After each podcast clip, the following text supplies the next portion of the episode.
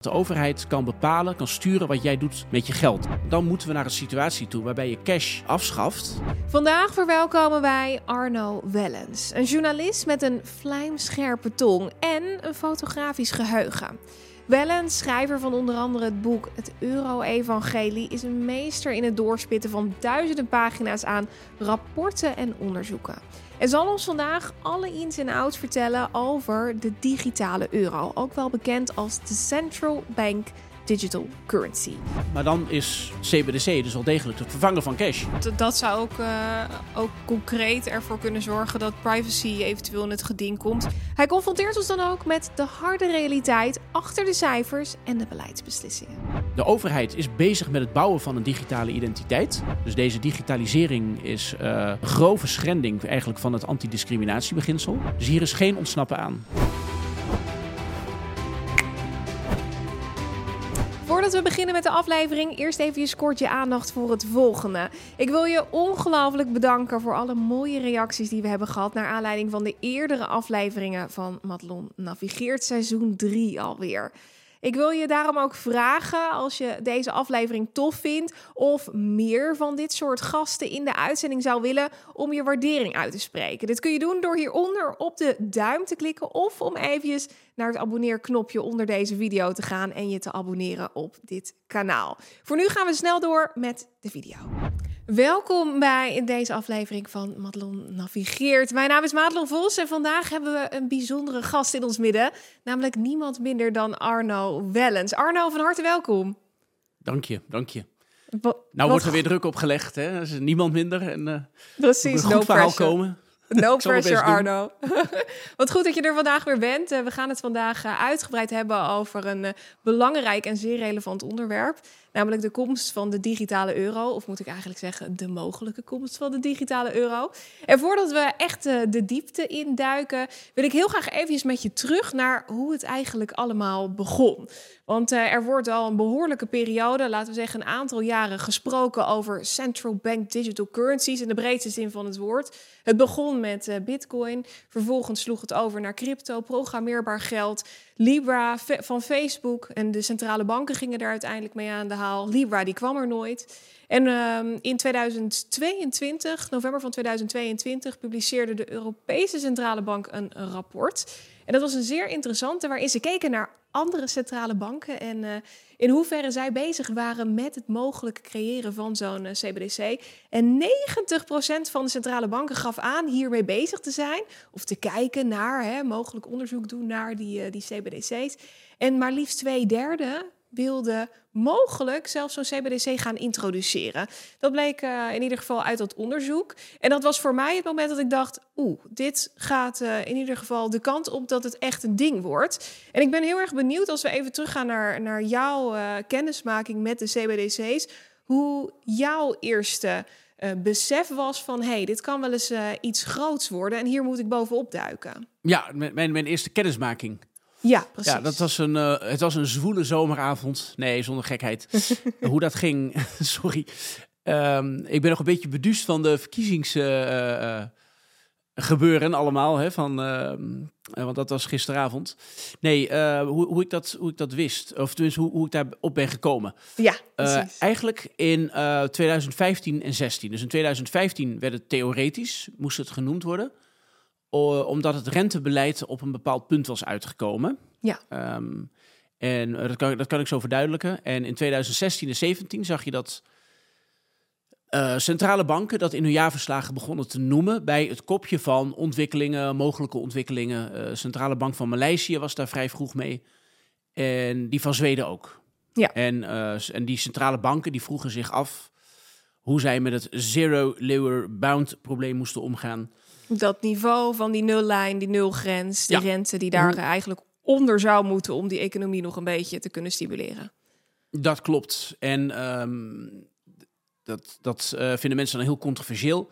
Maar je kan vrij simpel, je kunt een, um, uh, je kunt een grafiek van de rente die de Nederlandse bank, die de Europese Centrale Bank uh, in rekening brengen. pak bijvoorbeeld de Marginal Lending Facility, zo heet dat. dus wat uh, banken uh, aan, aan uh, nieuwe leenklanten in rekening moeten brengen, plus hun eigen opslag. Dus de centrale bank zet daar het minimum voor. centrale bank kan het gebruiken voor monetair beleid. Dus als de centrale bank wil dat de economie wat wordt aangejaagd, dan kunnen ze dat verlagen en dan gaan mensen meer lenen, meer huizen kopen en dat soort dingen. En dan nou, knallen die huizenprijzen door het dak. Dat, dat, dat, dat kun je wel zien. Maar als je Hebben gewoon die grafiek op. Inderdaad. Ja, dat lijkt me heel duidelijk wat daar uh, het, het, het, de correlatie is. Dus dat monetaire beleid is allemaal ook niet gratis, laat dat even gezegd zijn. Dus je kunt daarmee dingen redden en een euro bijvoorbeeld en banken nog een beetje overeind houden. Maar dat heeft wel een hoge kostprijs. Dat is gewoon wel, wel aan de hand. Uh, maar goed, in 2015 en 16 wat er gebeurde was dat uh, Mario Draghi, dus de president van de Europese Centrale Bank, die had eerder al een speech gehouden in Londen. 2012. Hij zei: I will do whatever it takes to save the euro. The ECB is ready to do whatever it takes to preserve the euro. De Daarmee speech. bedoelde hij, ja, de bekende speech. En dat deed hij daarna ook. Ik zeg altijd, die gozer kun je op een boodschap sturen. Als hij zegt dat hij iets gaat doen, dan doet hij het ook. Maar hij is wel heel rigoureus. Ja. Um, dus wat gebeurde er? Uh, hij ging aan het opkopen en hij verlaagde de rente. Dus hij Opkopen hield de vraag, van staatsobligaties. sta, sta, sta, vooral staatsobligaties, ja. Ja. Dus als jij een belegger was en jij had uh, Italiaanse staatsobligaties en je dacht van joh, straks gaat Italië verzaken, wanbetalen, want dat gaat helemaal niet goed in dat land. Nog steeds niet. Die schulden worden alleen maar hoger en hoger. Dan zou je ze bij de ECB kunnen dumpen. En door dat alleen al uit te spreken en daadwerkelijk te doen. Dus als je zegt dat je iets gaat doen en mensen vertrouwen erop, dan moet je het ooit ook doen. Maar mensen calculeren van tevoren alvast in dat je het gaat doen. Dat vertrouwen moet je als centrale bank ook niet beschamen. Um, en, uh, maar goed, toen sloeg hij dus aan het opkopen. En hij hield de rente laag, zodat als Italië nieuwe schuld uit zou geven, het ging vooral om Italië en andere Zuid-Europese landen, uh, daar kon het tegen een lage rente. En daarmee bood hij de mogelijkheid, en dat heeft hij ook al meerdere keren bij persconferenties gezegd, daarmee bood hij de mogelijk voor Italië om te herstructureren. Ja, want Dus even om- concreet, waarom ging die rente dan precies omlaag? Dat had te maken met het feit dat die Europese Centrale Bank indirect die obligaties op haar balans zette en daardoor eigenlijk een soort van de markt verstoorde. Dus die rente ging vervolgens eh, Ja, dus eh, de- omlaag, ja, die- omdat er meer vraag was vanuit eh, de markt. Maar dat was eigenlijk de Centrale Bank. Ja, precies. Dat was een kunstmatige situatie. En als je Ja. dan nieuwe obligaties uitgeeft, dan kan dat ook tegen een gunstige prijs. Rente, en, ja. En daarna hebben ze ook nog het rentewapen, rentewapen puur eh, op zich. Ja. Eh, dus, eh, en dat, dat ging ook omlaag. En het idee was dat de politieke leiders van de eurozone... Hè, het was toen 2010, toen die eurocrisis uitbrak. de schulden zijn daarna alleen maar omhoog gegaan. Wordt dan nou Oekraïne of virussen verweten, maar dat is gewoon niet waar. Pak gewoon een grafiek van de Italiaanse staatsschuld. Dat, dat moet van de afgelopen 30 jaar. Dat gaat alleen maar door het dak, wordt alleen maar erger. Eh, maar goed, het idee was inderdaad eh, dat, en dat heeft hij dus letterlijk gezegd, dat politiek leiders dan het lef zouden moeten hebben, die kans moeten aangrijpen. Hij zei letterlijk: ik ga tijd kopen om, de, eh, om die schulden te, te herstructureren. En dat kan ook veel makkelijker als de rente laag is. Probeer dat maar eens met een, vergelijk het met een privésituatie. Als iemand in de schuldsanering zit, doe je dat ook. Dan laat je een deel van de schuld zoals die is. En een deel moeten, die, eh, moeten de schuldeisers kwijtschelden. Dat moeten ze accepteren. Zo, zo werkt ook in Nederland het faillissementsrecht. En een andere deel kun je oversluiten met een andere, eh, met een langere looptijd. Dan maak je het mak- makkelijker voor mensen om dat eh, te dragen met een maandtermijn. En dan maak je de rente laag, zodat eh, een grote deel naar aflossing gaat. Alleen Mario Draghi, die zei dat, hè, dat was de bedoeling. Alleen die politiek leiders die dachten toen van, hé, hey, dat is leuk. Als ik nu weer staatsschuld maak, dus ik ga niet, eh, eh, ehm, ik ga niet hervormen en, eh, en saneren en doen wat nodig is. Ehm, even tussendoor, voor, voor de mensen thuis, ja, dat kan denk ik geen kwaad. Is... dat Harry, die zit hier eh, eh, te etteren en de boel te verstieren. Dus al- als, als je soms wat herrie hoort of iets, dat is Harry. En die vindt het al wel hartstikke spannend. Die heeft net weer enorm geknokt met de buurtkatten, dus... Nou, hartstikke gezellig dat hij er is. Eh, het kan Ja, zijn dat toch. er hier tussendoor ook twee katten rondlopen. Nou, dan weten de kijkers dat in ieder geval. Maar dat Ja. houdt ons menselijk, hebben we het net al even Absoluut. kort over gehad. Ja, absoluut. De dieren, dieren houden ons eh, menselijk. Sorry, waar waren we? We waren bij die... eh, Mario Draghi waren we. En toen de Mario overheden Draghi. die dus de kans schoon zagen... om waarschijnlijk waar je naartoe wil nu meer staatsschuld te creëren. Ja. Althans, dat denk ik. Ja, nu wordt eh, de cameraman opgegeten. Eh, dat kunnen de mensen ook niet zien.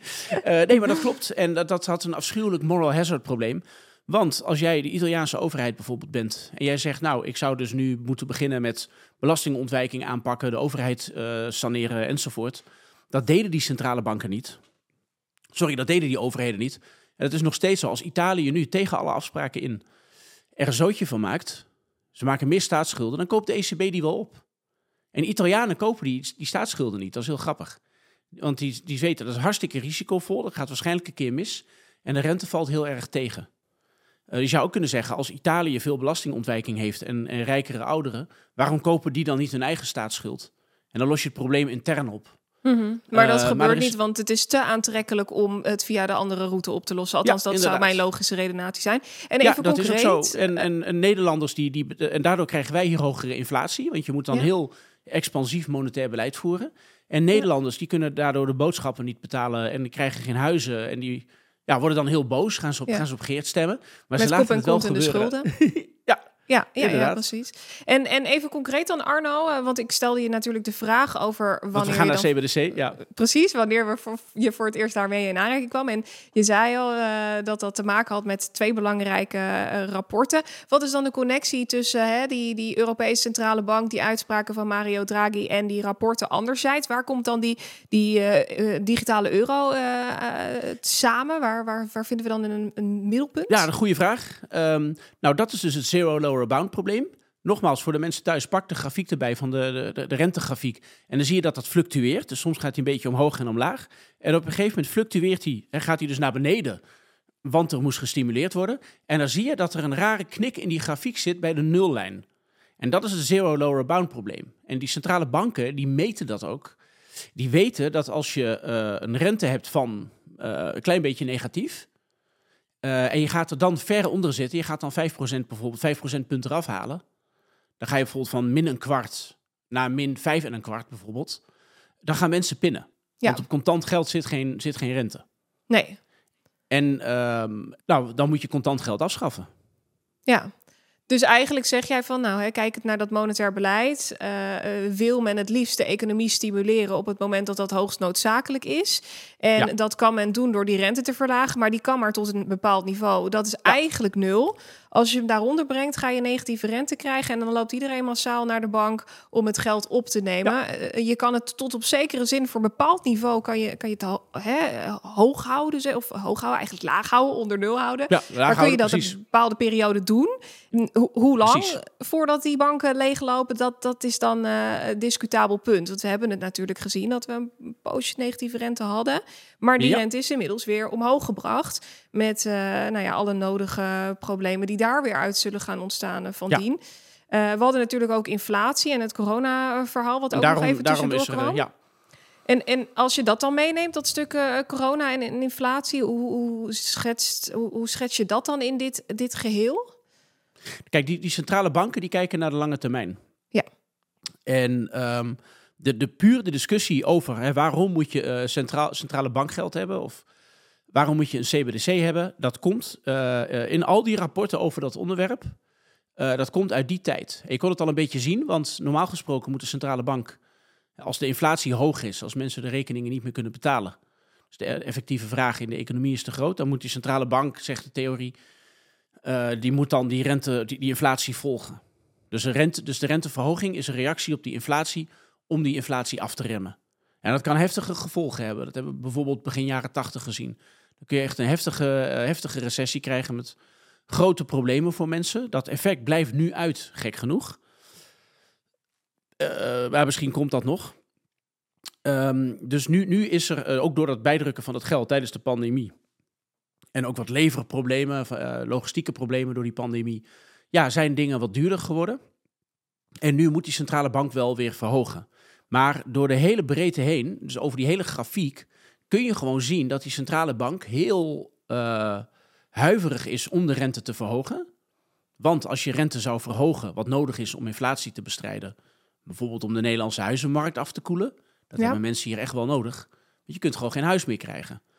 Eh, die centrale bank die wil dat niet. En je kon dat in 2016 al zien... want toen was in Nederland de inflatie eventjes boven de 2%. En als de ECB zegt, wij willen de inflatie onder de 2% houden... en je had toen negatieve rente op je spaargeld en 2% inflatie... Dus dan, eh, dan eh, krijg je gewoon erosie van je, van je spaargeld. Gaat nog niet extreem hard, maar het gebeurt natuurlijk wel. toen had die centrale bank eigenlijk moeten zeggen: Oeh, de rente, de, de, de inflatie wordt wel hoog. Wij gaan die rente ook een beetje verhogen. Maar dan zou Italië zijn omgevallen. Dus toen wilde die centrale bank. Nee, dat kon niet. En toen, toen zijn die rapporten gekomen van jongens, stel nou dat wij een nieuwe recessie krijgen in bijvoorbeeld 2020. Je kon niet zien aankomen dat het door een virus zou gebeuren. Uh, tenminste, ja, ik neem, ik neem aan, ik denk niet dat iemand dat zo heeft voorzien of kunnen plannen of weet ik wat. Daar hebben we natuurlijk helemaal geen bewijs van. Maar je kunt je gewoon theoretisch de vraag stellen. In 2010 heb je de eurocrisis. Wat als dat in 2020 weer gebeurt? Dat is wat centrale banken en er zitten slimme mensen die moeten zich dat soort vragen stellen. En die schrijven dan papers en die maken beleidstukken. En vanaf 2016 zeggen zij: jongens, wij lopen tegen die negatieve rente aan. En ik heb daar uh, bakken van, uh, van, van documenten van, van gewoon wetenschappelijke onderzoeken. Van het IMF, van de Bank of International Settlement, van de ECB. Allemaal economen. Je kunt erop zoeken, Zero Lower Bound in Google Scholar. En dat is de verzamelbak van alle wetenschappelijke onderzoeken wereldwijd. En dan zeggen ze, nou, dan, dan moeten we naar een situatie toe waarbij je cash uh, afschaft. En als mensen dan inderdaad, dus als, als mensen dan te veel cash of liquide middelen aan het verzamelen zijn. En de centrale bank wil dat ze dat gaan uitgeven. Maar die mensen weigeren dat en die zeggen, ja, ik bepaal zelf wel wat ik doe met mijn geld. Nou, dan kun je negatieve rente heffen op dat geld. Dan bemoei je je dus eigenlijk heel erg met hoe mensen hun geld uitgeven. Die mensen zouden dan naar de pinautomaat willen fietsen. Nou, haal je die pinautomaat weg. Ja. En, ja, dat, en dat verband, dat bijvoorbeeld een van de dingen, uh, het, ik, ik zat het toevallig net nog te lezen, dat is het 2018 Global mm. Financial Stability Report van het IMF. En dat, dat rapport heet A Bumpy Road Ahead. Mm -hmm. Ze zagen al een beetje dat de problemen ze, uh, aan zaten te komen, omdat die schulden alleen maar omhoog gingen. IMF, IMF zegt dat gewoon, Bumpy Road Ahead in 2018. Ja. Zoek het op voor de mensen thuis. Ja, klopt Zij inderdaad. Zien dat, inhakend op dat rapport, uh, Arno, heel even kort. Want dat rapport dat schetst niet alleen uh, de situatie waarin uh, je dus kijkt naar een lagere rentetarief, waarin dat dus mogelijk zou zijn. Maar zij, zij gaan ook wat dieper in op het probleem waarin je waar je tegenaan zou lopen op het moment dat je zegt, nou we schaffen cash af. Want dat kun je natuurlijk niet zomaar, dat kun je niet zomaar zeggen. Want dan krijg je nou ja, dat iedereen uh, spontaan op een, uh, op een bepaalde partij stemt, omdat ze het daar niet mee eens zijn. Um, ja. dus, dus hoe zouden ze dat dan moeten doen volgens dat rapport waar jij nu aan refereert?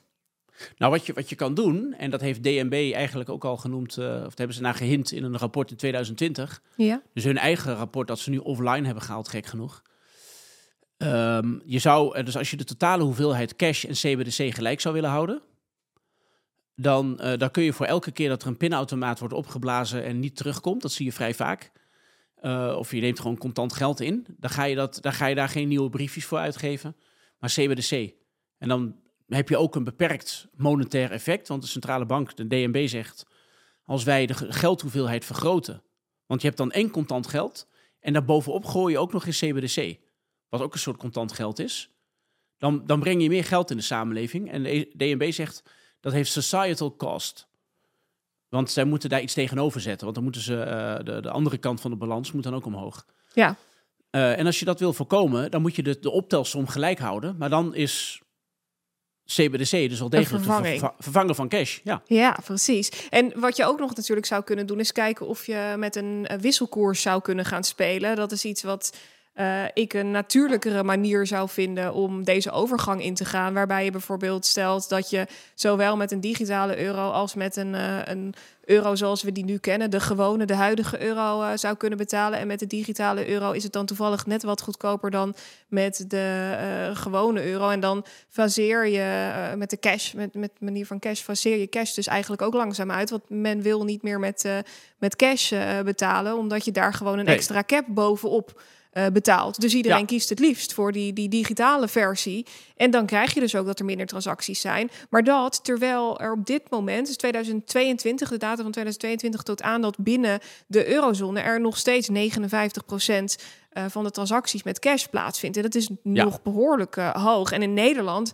zijn er veel plekken waarop je niet, uh, niet meer met cash kan betalen. Denk aan als je gaat parkeren. Doet iedereen tegenwoordig via een app. je kan ook niet overal meer geld uit de muur krijgen. Maar als je naar landen om ons heen kijkt, denk aan het Duitsland, ja, Spanje, ja. Portugal, Oostenrijk. Daar kun je overal nog met cash betalen. En dan kijken ze je soms raar uit aan als je daar met je pinpas aan komt zetten. Dus uh, wat dat betreft is daar het laatste nog niet uh, over gezegd. En als we dan eventjes concreet kijken, Arno, naar hoe dat monetaire beeld dan nu geschetst wordt, dan zeg jij dus van ja, er zijn nu een aantal belangrijke rapporten gepubliceerd. 2015 begon dat, dat was het moment waarop jij dat, dat aan zag komen. En hoe is dat proces vervolgens uh, verlopen? Want er werd steeds meer over gepubliceerd, maar daar, daar zijn een behoorlijk wat stappen in gezet. Ja, dat is, dat is heel raar gegaan. Kijk, in het begin had ik daar ook wel eens, hield ik daar wel eens avonden over. Uh, met, met lezers en zo. En er kwamen er acht mensen, die waren dan geïnteresseerd in digitaal geld. Dus dat was een beetje de wereld van de, uh, ja, de, de digitaal geld geïnteresseerden. Een beetje de internetgekkies, de pratende hoofden. Ik denk dat mensen nu naar twee daarvan kijken. uh, en uh, dat, is, dat is ook helemaal goed. Hè? Je bent gewoon een beetje geïnteresseerd in hoe de toekomst eruit gaat zien. En dan uh, komt er een econoom bij of iemand van de centrale bank. Ja. En die zegt ook, die maakt ook dit soort geluiden inderdaad van, nou ja, wat kun je doen met digitaal geld? Je kunt het programmeerbaar maken. wat de democratisch gezien natuurlijk heel problematisch is. Want dan bemoeit de overheid zich echt letterlijk met wat er in jouw portemonnee gebeurt. Um, en, en je hebt dat negatieve renteverhaal. Uh, en het bijzondere was dat tot ongeveer 2021 was de lezing die ik net noemde, ook omdat die centrale banken dat zelf opperen. Digitaal geld is programmeerbaar en je kunt het sturen via die rente. En, maar dan moet cash wel weg. Dat zeggen die centrale banken enzovoort letterlijk in die rapporten. En vanaf ongeveer 2021, toen werd het concreet dus tot die tijd had niemand het uh, erover. Dus dat noem ik de borreltafelfase van 2015 tot 2021. Ja, want in 2021 schreef de Rabobank nog een rapport. En daarin stond onderzocht kan worden of geld geprogrammeerd kan worden. Zodat overheidsgeld, bijvoorbeeld voor wonen of voor studie, alleen daaraan uitgegeven kan worden. En ook kan er een tijdslimiet worden meegegeven. Dus betaal je niet op tijd, dan verliest het geld haar waarde. En dat is indirect ook een soort van uh, monetair beleid. Absoluut, want dan ga je er sneller uitgeven. En vanuit het oogpunt van de centrale bank, die dan wil stimuleren op momenten dat zij het nodig vindt, uh, snap ik dat. Ja, maar vanuit de burger is dat natuurlijk niet een heel lekker gevoel. Nee, want waar bemoei je je mee? Ik, maak, ik mag toch zelf bepalen waar ik mijn geld en hoe ik dat uitgeef, inderdaad. Ja. Dus, uh, en uh, daarna is iets heel bijzonders gebeurd eigenlijk. toen ehm, is de samenleving een, een beetje gaan polariseren. dat begon met digitale apps rondom coronavaccins. En die hebben een hele duidelijke link met, uh, met CBDC. Want je moet straks ergens mee inloggen. Je moet een Europees digitaal inlogmiddel krijgen. Dan moet, je moet naar een digitaal paspoort toe. Dat is ook iets wat die centrale banken gewoon open en bloot in die rapporten schrijven. Want als jij straks een digitale euro krijgt die je op je telefoon kunt zetten, die is een soort chipknip die je vroeger had. Als je die weer zou invoeren uh, als vervanging van cash, wat ook handig is, dan kunnen mensen heel veel geld op die chipknips gaan zetten. En uh, uh, dan, heb je, dan is jouw monetaire beleid wat dat betreft nog steeds niet gediend. Uh, dus, als je de, dus je moet een inlogsysteem hebben waarbij de centrale bank kan zien wat jouw saldo is en dat beantwoorden met een rente. En dat is een vrij theoretische discussie, maar die werd vanaf 2015 ook gevoerd. Heb je een token-based variant? Token-based, dus dan heb je daadwerkelijk een digitaal muntje. Dat, dat zou niet zo erg die, zijn. Uh, Nee, dat zou niet zo erg zijn, want dan kun je bijvoorbeeld 1000 euro aan tokens op je app laden in je CBDC-app op je telefoon. Mhm. En waar ik, die, waar ik dat dan uitgeef, in welke kroegen ik dan ga, eh, waar ik dan heen ga bijvoorbeeld, dat kun je daar dan niet aan zien. En uh, ik, ik, ik praat zelf heel vaak met politieagenten, met, uh, maar ook militairen die bijvoorbeeld willen lekken over dingen die intern gebeuren als de dingen helemaal niet goed gaan. Dat moet gewoon kunnen. Hè. die mensen moeten gewoon, of officieren van justitie, bedenk het maar, die moeten gewoon kunnen lekken naar een journalist. En dan spreken we altijd af en dan komen we met het openbaar vervoer met een van tevoren opgeladen kaart. En dan gaan we in een uh, oude, uh, gewoon zo'n oud bruin café zitten. Met van die, van die rood-witte kleedjes zo op tafel, weet je. En die vitrages, tante Beb. en dan alles, anders, alles analoog en dan betalen we met cash. Zo, zo doen we dat. En dan, dan weet die persoon die gaat lekken, die weet dan ook dat hij niet... telefoon laat je dan thuis. Maar dat, dat, dat is de complete analoge wereld. En je zou dat kunnen nabootsen met een CBDC als je, als je eigenlijk de chipknip weer invoert. Alleen wat zeggen die centrale banken dan? Uh, die zeggen dan van ja, maar dan hebben wij onze uh, monetaire nut er niet uit, want dan kunnen we ook daar uh, je gedrag niet sturen. En de andere variant is inderdaad dus dat je dus wel moet inloggen, maar dan zie je dus alle transacties, alle cafés waar ik dan ben geweest, om met bijvoorbeeld een bron te praten, En via andere aspecten van digitale identiteit. Je, het wordt dan straks allemaal aan elkaar gekoppeld. Dat is de visie van een aantal overheden. Ehm, dan, dan kun je heel makkelijk zien welke politieagent met welke journalist heeft gesproken. En dat, dat moet je echt niet willen. Graag wil ik eventjes je aandacht voor een korte onderbreking. Want wist je dat investeren in edelmetaal, zoals bijvoorbeeld goud of zilver, door beleggers vaak wordt gezien als dé manier om je vermogen te beschermen tegen inflatie en economische onzekerheden? Onze partner Gold Republic maakt beleggen in edelmetalen toegankelijk en begrijpelijk voor iedereen. Of je nu een ervaren of beginnend belegger bent. Gold Republic biedt voor een ieder een veilig en transparant platform waar je eenvoudig fysiek goud, maar ook zilver of platina kan kopen, verkopen en kan laten opslaan. Wat het mooiste is, je edelmetaal wordt fysiek voor je bewaard in kluizen in Amsterdam, Frankfurt of Zurich. En dat noemen ze geallokeerd goud. Je bent dus altijd juridisch gezien 100% eigenaar van het edelmetaal. En je kan dus via de app edelmetalen kopen en verkopen waar je ook ter wereld bent. En goed om te weten, Gold Republic is marktleider in Nederland en in het bezit van een AFM-vergunning. Speciaal voor jou als kijker van deze serie mag ik tijdelijk 1 gram goud aanbieden. Momenteel ongeveer ter waarde van 58 euro bij het openen van een account. En hiervoor hoef je alleen een order van minimaal 100 euro te plaatsen. Als je interesse hierin hebt, kan je op de link in de beschrijving van deze video of deze podcast klikken of surfen naar matelonvols.nl slash goldrepublic. Dus wil je goudportefeuille uitbreiden of ben je op zoek naar een nieuwe partij om eh, geallokeerd edelmetaal aan te kopen, weet dan dat je gebruik kan maken van deze link. En door gebruik te maken van de link ondersteun je niet alleen jouw eigen financiële toekomst, maar ook onze show. En dat stellen we natuurlijk enorm op prijs. We bedanken Cold Republic voor het mede mogelijk maken van deze aflevering. En nu snel door naar de aflevering. Ja, eh, want dat zou ook, uh, ook concreet ervoor kunnen zorgen dat privacy eventueel in het geding komt. Wat ik in een van de rapporten terug uh, las, is dat privacy wordt gezien als zijnde uh, het waarborgen daarvan wordt gezien als zijnde dat het de gegevens, de financiële gegevens, niet gedeeld worden met een derde partij. Maar in deze wordt de Europese Centrale Bank niet als derde partij beschouwd. Dus dat is, uh, dat zeer interessant in, het, uh, in het verhaal. Dus je denkt dan, nou, mijn privacy is gewaarborgd, maar dat dat zit dan dus misschien net even wat anders. Over die implementatie wil ik het graag zo meteen met je hebben. Want het kan best zijn dat er nu kijkers zijn die denken... ja, uh, alles leuk en aardig, maar die euro van mij die is toch al digitaal. Kun je misschien kort uiteenzetten wat nou dan precies het verschil is... met die digitale euro die we nu op onze uh, gewoon commerciële bankrekening hebben... en de digitale euro die strakjes uh, via de app of het inlogscherm... waar je het net over had, zichtbaar is?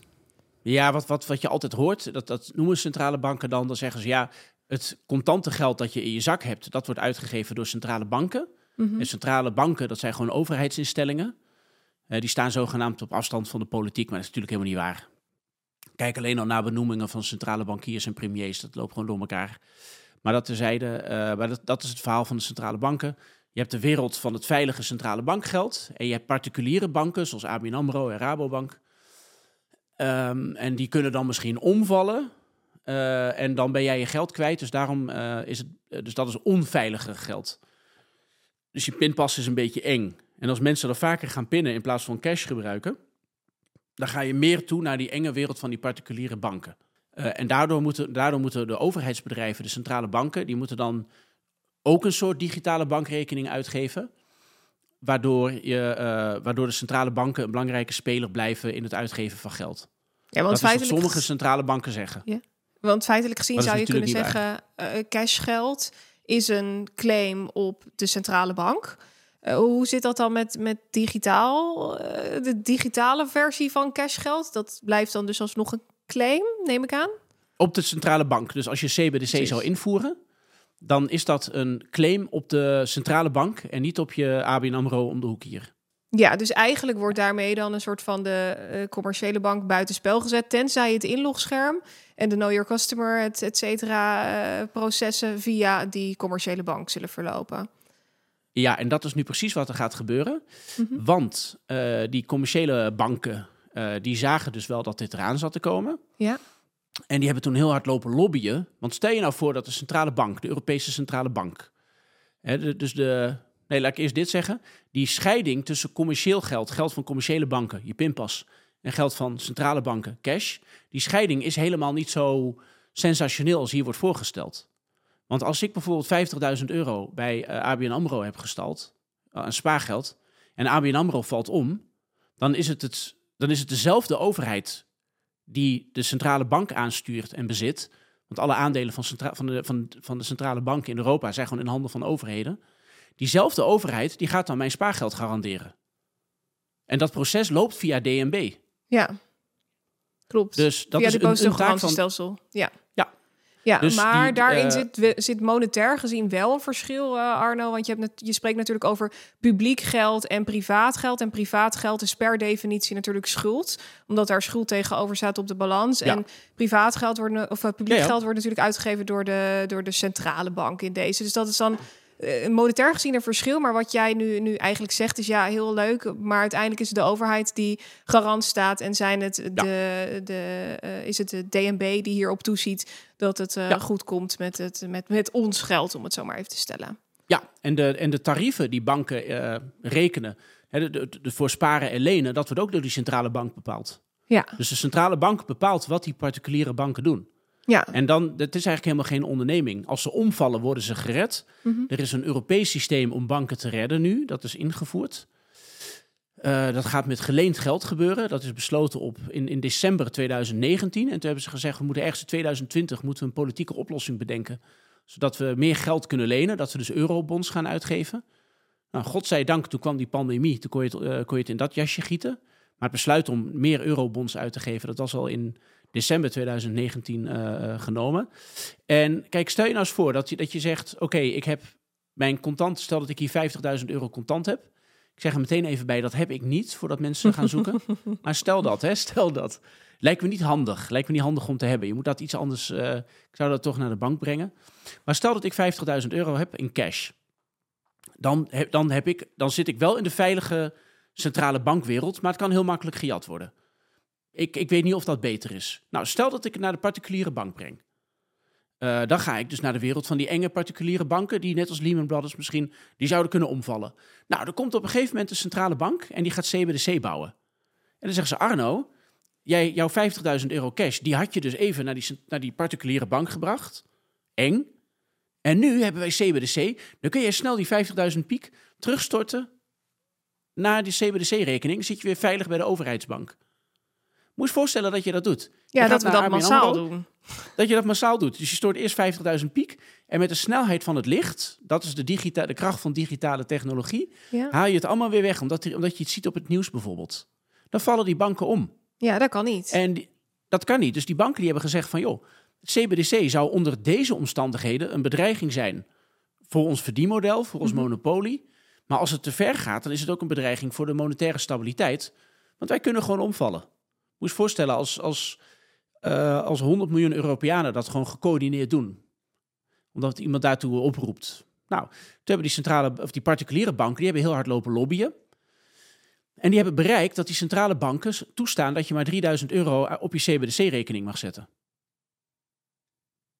En dat zit ook in het wetsvoorstel voor Central Bank Digital Currency, zoals, zoals dat nu uh, uh, bij het Europees Parlement ligt. Ja, want even, wordt behandeld. Even concreet, uh, Arno. Jij ging, dus, ja. jij, jij ging naar Brussel. en jij was volgens mij een van de vele journalisten die hier interesse in had. Dus die hele zaal zat hartstikke vol. Althans, dat zou je verwachten, want het is toch een enorme beslissing. Ja. hoe, hoe was dat, Arno? Kan je ons daar wat meer over vertellen? Ja, dat, dat, dat was dus helemaal leeg. Ja. En daar werd er gewoon uh, gediscussieerd. Er werd gewoon uitgelegd dat ze dit gingen doen. Ja. was een hele zware delegatie vanuit de Europese Commissie, de Eurogroep, ja. Europees Stabiliteitsmechanisme. Het, het was bloedje warm vorig jaar, zaten maar een paar mensen in de zaal. En daar werd gewoon verteld van jongens, wij gaan dit doen. En ehm, daarna, dat is heel bijzonder, dus we hadden bij het CBDC, we hadden eerst de borrelfase tot 2021, 2015 tot 2021 toen werd dat besproken en daarna kwam de complotfase of de polarisatiefase. Dat mensen die bijvoorbeeld mijn stukken lezen en zeggen: CBDC komt er gewoon aan, want het wordt gewoon gebouwd, het is al lang aangekondigd. Uh, die mensen worden in een complothoek geduwd, zeg maar. Die, die zouden dan allemaal in rare complotten geloven. Uh, en het, komt misschien nog helemaal niet enzovoort. Maar die centrale banken enzovoort, die communiceren gewoon dat ze dit gaan doen. En wat ze erbij zeggen, is dat er een cap op komt, omdat je anders disintermediation krijgt, zo heet dat. En disintermediation is inderdaad dat mensen massaal weglopen bij hun bestaande bank. Dus de, dus de centrale bank, de overheid, die zorgt ervoor dat als jij dat wil, dus als jij straks iets hoort op het nieuws en je wil geld overboeken naar je CBDC-rekening, mhm. boven de 3000 euro, dan wordt jouw transactie geblokkeerd. Dus het heeft helemaal geen spaarfunctie. Dus je gaat geld maken zonder spaarfunctie, wat natuurlijk uh, totaal waardeloos is. En uh, die centrale banken, ja, die zijn dat vanaf 2021 zijn ze dat gewoon openlijk aan het uh, communiceren dat ze dat uh, dat, dat, dat ze dat gaan doen. Ja, dus en nu wordt die discussie heel vreemd. Ja. Jij schetst nu het beeld van hè, ze, gaan dit doen. Uh, ondanks dat zijn er behoorlijk wat uh, rapporten geweest. Denk onder andere aan het rapport van de, van de Rabobank, rapport van DNB, waar eerst bepaalde dingen in stonden die later toch enigszins aangepast zijn, herschreven zijn, misschien zelfs wel compleet verwijderd. Ik kan me herinneren dat jij mij vertelde dat je een rapport van DNB in bezit hebt, die nu niet meer vindbaar is op de website hierover. Um, wat we nu zien in communicatie, of althans afgelopen jaar in communicatie, is heel duidelijk. We doen onderzoek naar. Uh, denk onder andere aan Eveline Witloks, die in uh, het Europarlement uh, onder leiding van Michiel Hogeveen kwam uitleggen wat de Europese Centrale Bank op dit moment onderzoekt. Um, als we even kijken naar dat hele plan wat toen voor ons uiteengezet is. Lex ja. Hoogtuin was daar onder andere bij ja, betrokken. Wim Boonstra ja. zat er precies. En zij had een plan klaar liggen tot Q3 van 2023. En daar, daar zitten we nu. En daar stopt het eigenlijk een beetje. Want wat is dan nu het plan? Er zou een advies komen. En vervolgens nee, dat is... ja, oh. nee, nee, sorry, maar wat zij vertelt is gewoon niet waar. Wat de Nederlandse bank hier gewoon vertelt is niet waar. En okay. uh, dat, ik wil daar twee dingen over zeggen. Ten ja. eerste, het, uh, het rapport, rapport dat je noemde van, uh, van DNB van 2020. Uh, dat, dat, je kunt je gewoon aanmelden voor, de, voor, uh, voor persberichten van centrale banken. Als je daar gewoon geïnteresseerd bent. En dan krijg je dus die gekkigheid in je mailbox. Uh, in dit geval is het zo dat um, de overheid is bezig met het bouwen van een digitale identiteit. En Kajsa Olongeren als minister van Binnenlandse Zaken, die heeft in 2021 een aantal wetenschappers van de Katholieke Universiteit Leuven gevraagd van... Jongens, ik ben aan het digitaliseren, maar ik heb een business case nodig om te beredeneren waarom ik doe wat, waar ik al mee begonnen ben. Dat is heel vreemd. Dus wij zoeken een case voor wat, wij aan het doen zijn. En toen kreeg ze een rapport waarin stond... Ja, nou, een van de dingen die je met digitale identiteiten en blockchain eh, zou kunnen doen... is dat je een digitale munt gebruikt. En in Europa is al gesproken over uh, digitaal geld. En Nederland is dan aangewezen als land waar, men, waar burgers dat als, als eerste zouden accepteren omdat Nederland een land is waar men toch al veel minder pint of met, met cash betaalt. Ja. Dus dat verband wordt daarin gelegd. Um, en dat verwijst in een voetnoot naar het rapport van de Nederlandse Bank. En de Nederlandse Bank zegt daarin dat de overheid kan bepalen, kan sturen wat jij doet met je geld. Dus als jij uh, een uitkering krijgt uh, en jij wil dan sigaretten kopen, dan kun je het zo instellen dat de overheid, dat de centrale bank, maar dat is hetzelfde, dat die blokkeert dat je dat doet, maar je mag dan wel zorgpremie betalen. En uh, dat staat daar gewoon. En ik had daar dus deze zomer, dat is heel grappig hoe dat gaat. Ik had er deze zomer een video over opgenomen met Tim Douwsma, zo'n acteur. En die vond dat leuk. Die zei, nou, gaan we Arno in de studio uitnodigen. Nou, heel, heel, heel gesprek erover. Uh, het ging over dit soort onderwerpen. Had toen 100.000 kijkers. En kort daarop zat Menno Broos uh, van de Nederlandse Bank. Die is projectleider voor CBDC. Die zat bij, bij, bij Paul, Paul Buiting. Buiting. Met zo, ja. En toen werd daarna gevraagd. En toen deed hij Menno Broos. Ja, ik ga niet zeggen dat het mij irriteert of zo. Maar die deed een klein beetje belerend. Want er werd er naar mijn video gevraagd. En toen zei Menno Broos van... Nou, fijn dat ik hier dan kan zitten om te vertellen hoe het zit. Ja. Dit, eh, goed. Uh, maar toen zei hij dus van, hè, van, nou, ik kan het je gewoon vertellen. En we hebben in 2020 hier een rapport over uitgebracht. Uh, en we gaan het niet programmeerbaar maken. Hij zei ook van, ik heb net een zoontje gekregen. Nou, Menno Broos, als u dit kijkt, uh, gefeliciteerd. En hij zei, ik wil niet dat mijn kind opgroeit in een wereld met programmeerbaar geld. Dat kan ik heel goed begrijpen. Alleen het stomme is dat het rapport waar hij naar verwijst, in de zin dat hij zegt dat het niet zo moet zijn, dat haalt als voorbeeld aan dat het wel kan. Dus ik heb het, ik heb het wel eens vaker in praatjes ook gebruikt. En dat gebeurt inderdaad wel eens als ik dan. Uh, dat mensen dan boos worden, krijg je discussies in de zaal. Zeggen ja, het is een complottheorie dat geld, dat centrale bankgeld programmeerbaar wordt. Want de Nederlandse bank heeft gezegd dat ze het niet gaan doen. Maar ze hebben wel geopperd dat het wel kan. Ik bedenk het niet zelf. Ja, er zijn dus meerdere communicatielijnen hierin. Dus de communicatie naar het Europese uh, parlement, die dus net even iets anders is dan dat ze eerder in een rapport hebben gepubliceerd, waardoor er dus behoorlijke frictie en discussie uh, ontstaat. Maar wat ik dus nu ja, wel maar die, maar die, maar die, ja, maar die discussie kan niet bestaan, hè? Dat is, de, het, dat, dat is een, dat is, dit is een logisch of een filosofisch probleem ja. waar je tegenaan loopt. Als jij oppert dat een, dat, een, dat een, dus een bepaald zelfstandig naamwoord, een bepaald verschijnsel in de samenleving, als, daar, als dat een attribuut heeft, als dat een eigenschap heeft, en jij constateert dat als wetenschapper, dus in de, tijd, in, in de borreltijdfase over CBDC, toen was het nog veel gezelliger, dan zijn er economen en techneuten en die zeggen van ja, nee, strikt genomen zou je dat kunnen doen met een CBDC. Ja. En dat, dat kun je, die uitspraak kun je nooit ongedaan maken. Maar Arno, dat dus iets kan, betekent toch niet per definitie dat het ook daadwerkelijk gaat gebeuren? Uh, nou, het, het, het, het, de, het feit dat het kan ja. en dat je het zelf oppert, dus de partij die het oppert, die kan zich daarna nooit meer verschuilen achter het feit dat ze dat niet hebben gezegd. Dus DNB heeft dat rapport ook offline gehaald, bijvoorbeeld.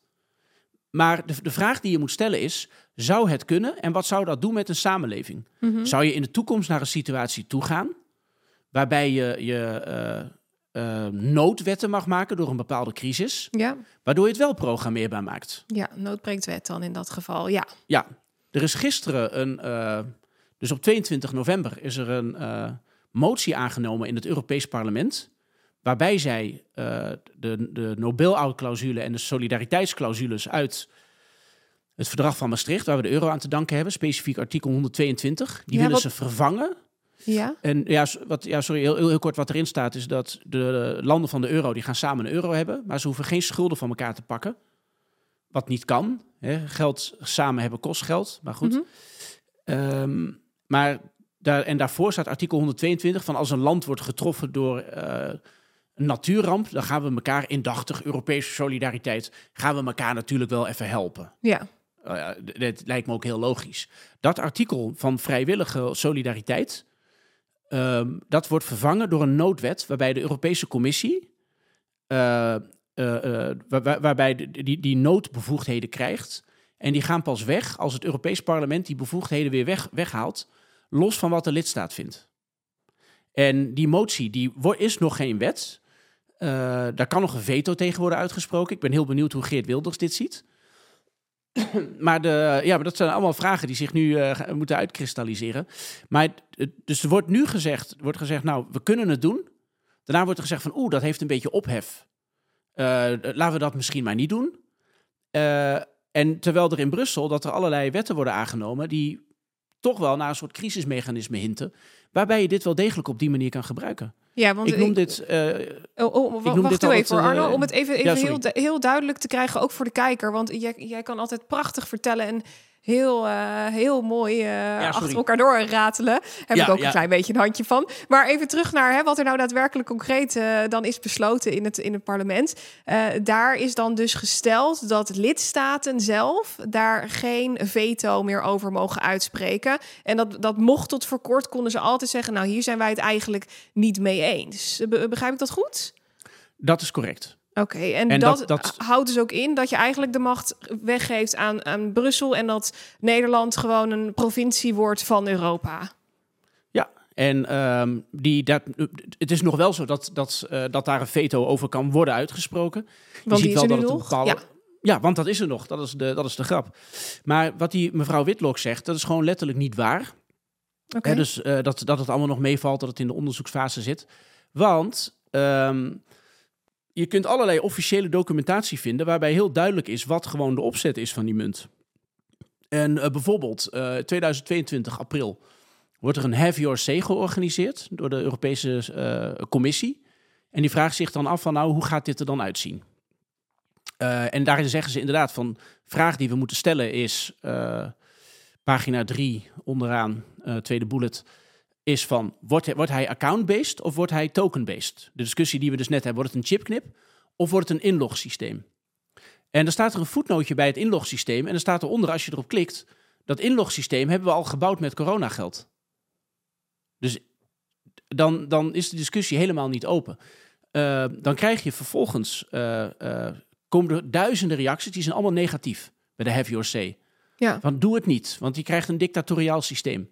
Vervolgens zegt de Europese Commissie halverwege die hearing, dus de Have Your Say, zeggen ze van, ja, jullie zijn allemaal tegen, maar wij gaan alvast de implementatiedatum, dus de, de, de, de datum van lancering van het wetsvoorstel, die zetten we alvast online, ondanks die reacties. Mhm. En die waren letterlijk 100% negatief.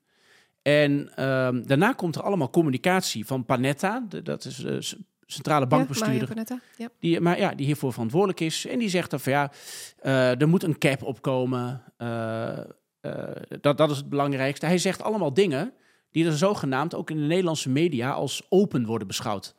En dan krijg je een artikel erover bij BNR bijvoorbeeld van... Ja, dat Kaag zegt van ja, dan moeten ze überhaupt nog maar kijken of die komt en er is nog niks besloten. Maar dat is gewoon letterlijk niet waar. Dan lees je gewoon die officiële stukken van de Europese Centrale Bank uh, en de Europese Commissie. En dan is al heel duidelijk waar dat heen gaat en waar de voorkeur ligt. En uh, voor het grote debat van 22 november 2000, uh, 23 november 2022 uh, toen had, als je dan in de media leest wat er over dat CBDC-debat in de Tweede Kamer wordt geschreven van, ja, Sigrid Kaag stelt Kamer gerust. Hè, en dan is het van, we moeten überhaupt nog maar kijken of dat ding er komt en gaat contant geld niet afschaffen. maar Sigrid Kaag die stuurt in juli, ik moet het goed zeggen, juni 2022, stuurt zij een brief naar de Tweede Kamer. En dan zegt ze, ja, wij hebben in Brussel al besloten over hoe de euro, die digitale euro eruit gaat zien. En dan zeggen ze van, wij vinden privacy belangrijk, maar uh, uh, wij willen ook dat die bijdraagt aan, monetaire, uh, aan transmissie van monetair beleid. En dat betekent dat je negatieve rente kunt heffen. Dat, dat schrijft Kaag zelf. En daarna had je die, die, uh, dat evenement inderdaad met Evelien Witloks van, de, van DNB. Waarbij zij doet alsof die brief van Kaag niet bestaat. Mm -hmm. Maar nogmaals, als je gewoon op CBDC zoekt in de Tweede Kamer, en dat kan iedereen die geïnteresseerd is doen, dan staat er gewoon iets wat tegenstrijdig is aan wat DNB op dat moment zegt. Ja. Voordat we doorgaan met dit interview wil ik eerst eventjes onze partner voor vandaag bedanken. Dat is namelijk de wereldwijde marktleider in VPN-diensten, NordVPN. En voor degenen die zich nu afvragen, wat is een VPN? VPN staat voor Virtual Private Network. En met een VPN kan je je internetverkeer versleutelen. En wordt je IP-adres verborgen voor derden. En nu vraag je je mogelijk af, Madelon, waarom is dit nou zo belangrijk? Nou, zonder VPN is de verbinding tussen jouw computer en een website vatbaar voor hacks. Als je dus vaak, net zoals ik, gebruik maakt van openbare wifi's, bijvoorbeeld in een café of misschien op een luchthaven, dan loop je dus extra risico. En Wist je dat je IP-adres gekoppeld kan worden aan jouw locatie? Door gebruik te maken van een VPN-service wordt je IP-adres afgeschermd voor websites die je bezoekt en hierdoor kan jouw locatie dus ook niet worden achterhaald. In mijn optiek is dit dus eigenlijk een must-have voor iedereen die zijn financiële zaken regelt via wifi, zoals bijvoorbeeld online shoppen of bankieren of het beheren van je beleggingen.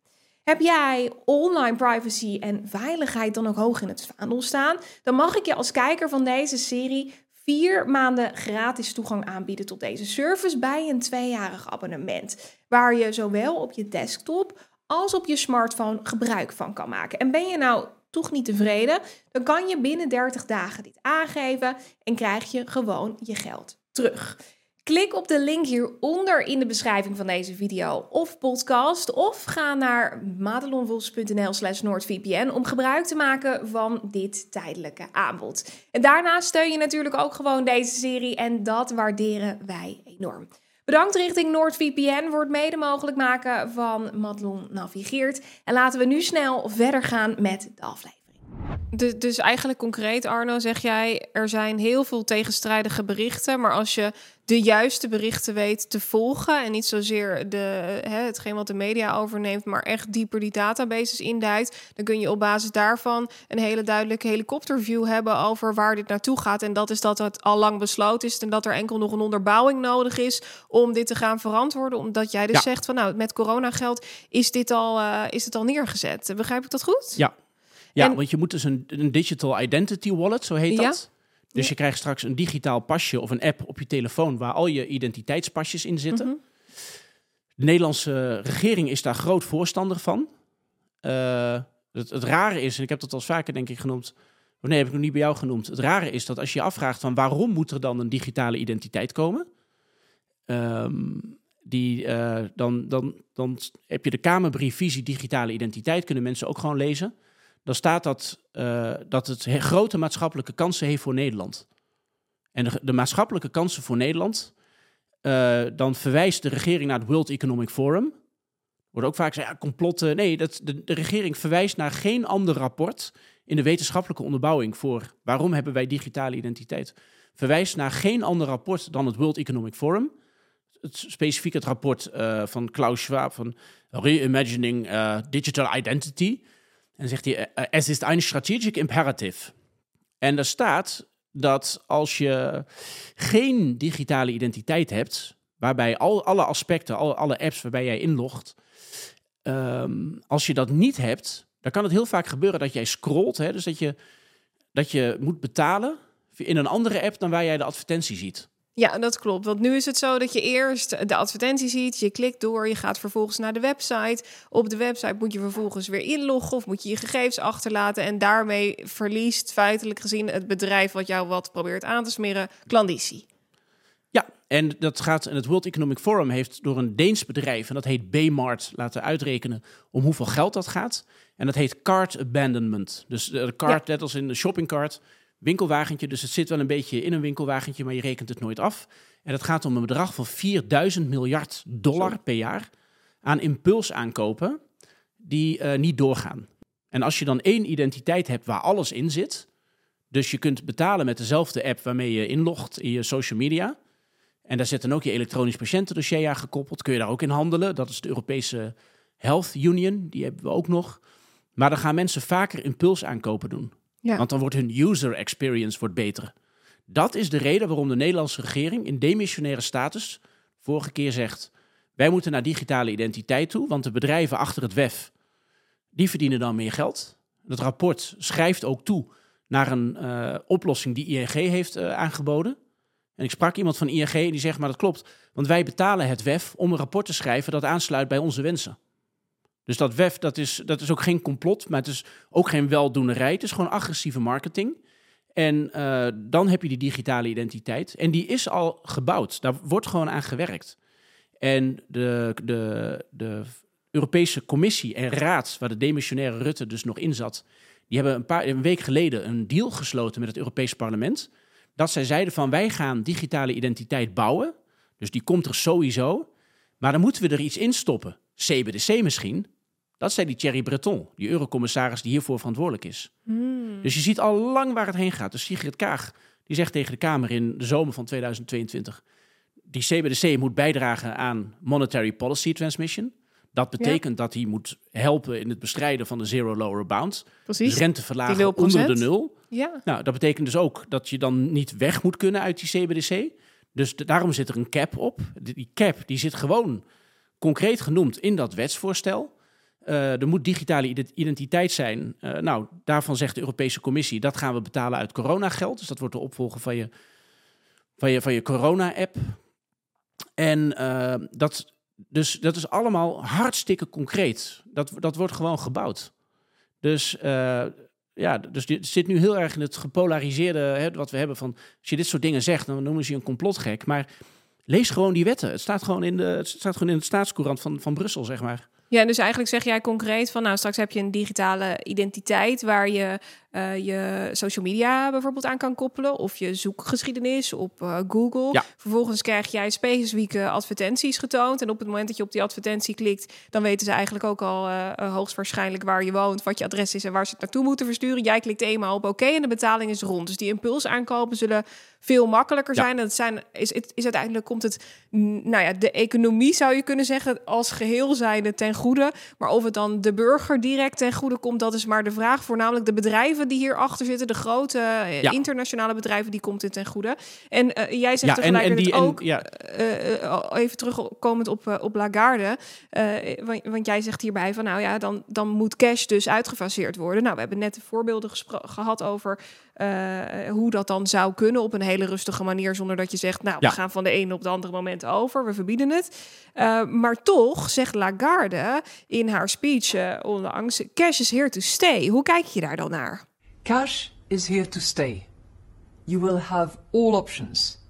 In, als je naar de après-ski bar gaat in Oostenrijk, dan zie je iedereen gewoon met, met biljetten rondsmijten. Eh, heerlijk. Ik mag daar graag zijn. Ik kan niet goed skiën, maar ik zou alleen al voor het après skiën gaan. Dus ik weet ook wel dat het zo is dat, uh, dat cash nog lang niet is uitgefaseerd. Maar er is geen andere, uh, zeg maar, te beredeneren ja, reden of, of noodzaak waarom je dit zou doen. Ja. Want waar, waarom zou je het anders doen? Nou ja, misschien controle. Als al die, als al die rapporten... Ja, maar dan, maar het is ook controle die je niet hebt met cash. Ja, precies. Eh, dan zouden ze dus dat kunnen opvoeren onder de noemer van uh, terrorisme bestrijden, uh, het tegengaan van witwassen bijvoorbeeld. Ja, of misschien zelfs wel klimaat. dat zou ook een. volgens mij heeft Maxima het gehad over de, de gelijkheid onderling. Uh, dus er zijn wel meerdere argumenten voor te voeren. Maar de vraag is of dat dan Nederland aan zich uh, ten goede komt. En dat is, ja, dat daarvan zou je dan zeggen dat dat iets is wat aan de politiek is. En waar vervolgens Nederlanders op zouden moeten, moeten kunnen stemmen. Maar als ik jou zo hoor, dan is dit iets wat in Brussel beslist wordt. En wat steeds meer richting uh, de, de kant van Brussel ook gaat. Ja, ik zeg er wel bij dat, dus als je zegt Brussel, uh, dat hoor je vaak van, hè, Brussel beslist dat. Het is mhm. wel zo dat de Europese Raad, daar zitten de regeringsleiders in. In Nederland is het zo dat de Tweede Kamer, die heeft uh, wetgevende bevoegdheid, zoals dat heet, artikel 81 van de Grondwet. En Rutte, die heeft besloten om, uh, dus hij werd geconfronteerd met een Kamermeerderheid die het niet wilde. Dus ze zeiden van Rutte, ja, je kunt voor digitale identiteit zijn, want dan verdienen de, ja, de sponsoren van Klaus Schwab, die verdienen dan meer geld. Maar de Tweede Kamer was vanwege de risico's tegen. En uh, als de Kamer tegenstemt, dan, uh, dan bepaalt onze grondwet dat het niet doorgaat. En zoals Pieter Omzicht terecht zegt, we zijn gewend geraakt aan een premier die heel belangrijk is. Maar de Tweede Kamer is de volksvertegenwoordiging. Dat is de, het hart van de democratie. En toen is uh, staatssecretaris van Huffelen, die is naar buiten gelopen. Die werd gevraagd bij de camera's van Hart voor Nederland. En toen zeiden ze van ja, maar de Tweede Kamer is tegen. Wat gaat u dan doen? Het zei Van Huffelen letterlijk van ja, wat de Kamer kan vinden is uh, één ding. Maar wat ik vind is ook belangrijk. En zij wil dus wel die digitale identiteit. En daarbij breekt ze dus gewoon de grondwet. Mm -hmm. En dan gaat het naar Brussel. Dus inderdaad, dus als je zegt van, komt Brussel het halen? Nee, wij, wij brengen het. Naar Grappig Brussel. is trouwens, ja. ja. wij brengen het naar Brussel. Uh, dus dan ligt het daar. En je kunt het nou ook niet meer uh, ongedaan maken. Mm -hmm. Um, dus, uh, dus in feite is het uh, uit, uit handen al uh, gegeven. Ja, jij zegt net, het, het grappige is ook dat... Ik ben wel benieuwd wat, wat er hier nou grappig aan is. Want het huilen oh, ja, staat nee, benader dan het nee, lachen wat, op dit moment. Um, wat, ja, wat, wat eigenlijk wel een grappige anekdote is om te vertellen. Ja. Um, dat is iets wat ik heel veel hoor van, van mensen in mijn netwerk... die in de IT zitten, die IT-systemen beveiligen... Um, wat, uh, wat, er, wat er was gebeurd tijdens die coronapandemie, is dat je, want dat is die, die QR-app, dat is de voorloper van je digitale wallet waar alles in zit. Mm -hmm. Een andere reden waarom die wordt ingevoerd, dat is ook omdat je dan in medische data kan handelen. Dus alles zit aan alles gekoppeld. En uh, dat betekent dat je één unique identifier hebt. Dus jij hebt een, een nummer in je elektronisch patiëntendossier. Waardoor duidelijk is, hé, hey, dat is Madelon Vos. Mhm. Maar die zit ook aan je rijbewijs. En het is hetzelfde als je burgerservice nummer. Dat wordt Europees. Uh, dus je hebt één service nummer waarmee al die databases zijn aan te roepen. En het identificeren doe je straks bij al die dingen met één app. Nou, vanuit veiligheidsrisico's is dit het domste wat je kunt doen.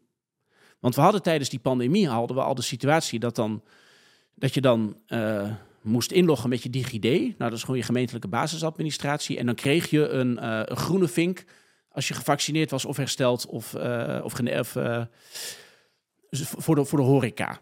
Dus dan wordt, wordt al je elektronisch patiëntdossier gekoppeld aan je gemeentelijke basisadministratie. Dat is toen een aantal keer gehackt. en toen zei Hugo de Jonge in de Tweede Kamer, die werd gevraagd. En die zei van ja, maar tegen dit soort criminaliteit is geen kruid gewassen. Als mensen van 17 miljoen mensen, dus als criminele hackers van 17 miljoen mensen, de koppeling tussen GBA en elektronisch patiëntendossier, als je dat al, dat kun je al hacken, daar is niks tegen te doen. Nu gaat de Europese Unie, die gaat van een half miljard mensen alles aan alles koppelen. Ja. En dat is voor je veiligheid Uh, natuurlijk ook voor je, voor je vrijheid, want de overheid kan straks met één druk op de knop al die dingen van jou uitzetten als je niet mhm. luistert.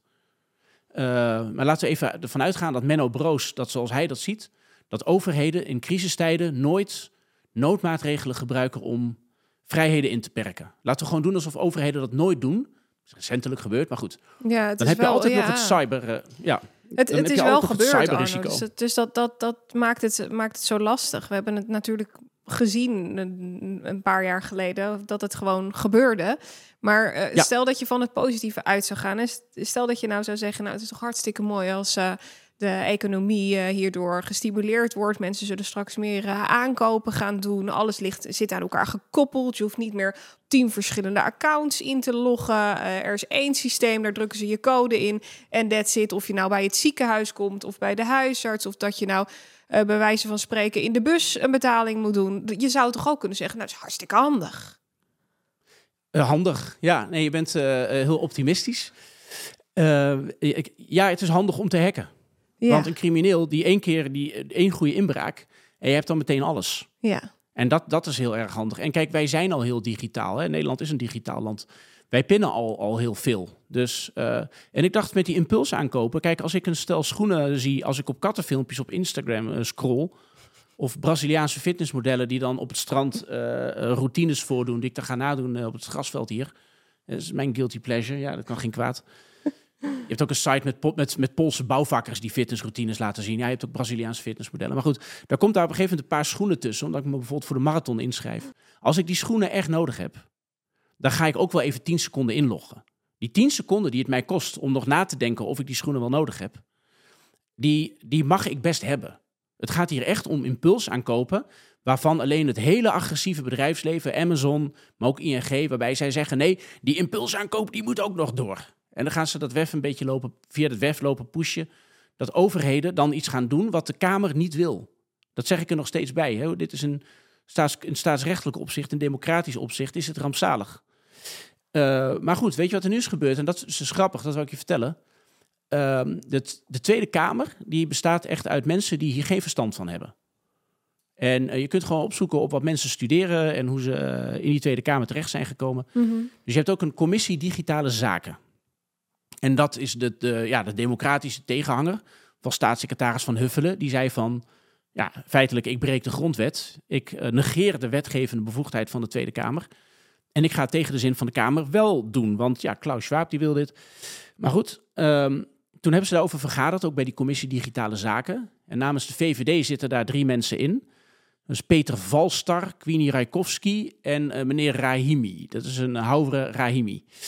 En Queenie Rijkowski die heeft uh, bedrijfskunde gestudeerd. En uh, Peter Valstar, ja, zij, en zij is een beetje het rechtse geluid van de VVD. Dus, dus zij is dan ook voor Zwarte Piet en zo, weet je wel. Daar kan je ook beetje zo laten zien dat je tegen rechts aanschuurt. Dus dan kun je die stemmetjes ook pakken.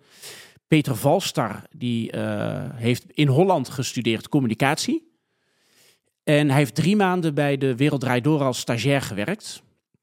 Dat is zijn ervaring in het bedrijfsleven. Daarna werd hij politiek assistent. En hij is nu voorzitter van de commissie Digitale Zaken. En zij zijn hier voor. Nou heb je Haure Rahimi. Uh, die is als vluchteling naar Nederland gekomen. Dus die is ook heel erg alert op potentieel uh, dictatoriale overheden. Hij heeft uh, in, in, Iran gezien wat een uh, dictatoriale overheid kan doen. Dus hij zegt, daarom ben ik liberaal. Ik wil dat bepaalde macht misschien überhaupt niet moet bestaan. Daar moet je gewoon over nadenken. En hij heeft informatica gestudeerd. En hij zegt in het kielzog van al mijn volgers die ook informatica hebben gestudeerd. Hij zegt, dit is niet veilig te krijgen. Want veiligheid in de IT is geen binair begrip. En de juristen denken dat het wel zo werkt. Maar dat is omdat ze het niet snappen. Je kunt niet zeggen, oh, wij gaan nu een systeem bouwen dat veiliger is. We doen het nu samen als Europa, dus dan wordt het groter en daarmee beter en veiliger. Nee, omdat het groter wordt bij dezelfde stand van de techniek. Dus je kan zeggen, nou, we hebben al die kwetsbare gegevens achter één muur. We moeten het beste IT-bedrijf bellen dat we kunnen hebben om dat te beveiligen. Op het moment dat je bij dezelfde gemaximeerde beveiligingstechnologie niet 17 miljoen Nederlanders, maar een half miljard Europeanen met hun data achter die muur zet, dan wordt het veel lucratiever om in te breken bij dezelfde technologie. En dan wordt het juist veel gevaarlijker. En uh, dat, dat, dat, zeiden, dat, zeggen mijn volgers, dat, dat zijn IT'ers. En toen wou Rahimi, die wou met mij praten. En hij beaamde dit omdat hij informatica heeft gestudeerd. En hij heeft meerdere bedrijven in die IT gehad die hier specifiek op zijn gericht. Dus de enige expert die er ook iets van af weet door werkervaring en studie, die academische opleiding, die is tegen omdat hij het snapt. Ja. En, en uh, toen, liep, toen liep ik naar buiten na dat gesprek. En uh, we hebben een gemeenschappelijke kennis, die had ons gekoppeld. Die zei van jullie moeten eens met elkaar gaan praten. En toen zag ik de politieke assistent van een, uh, van een andere Kamerlid.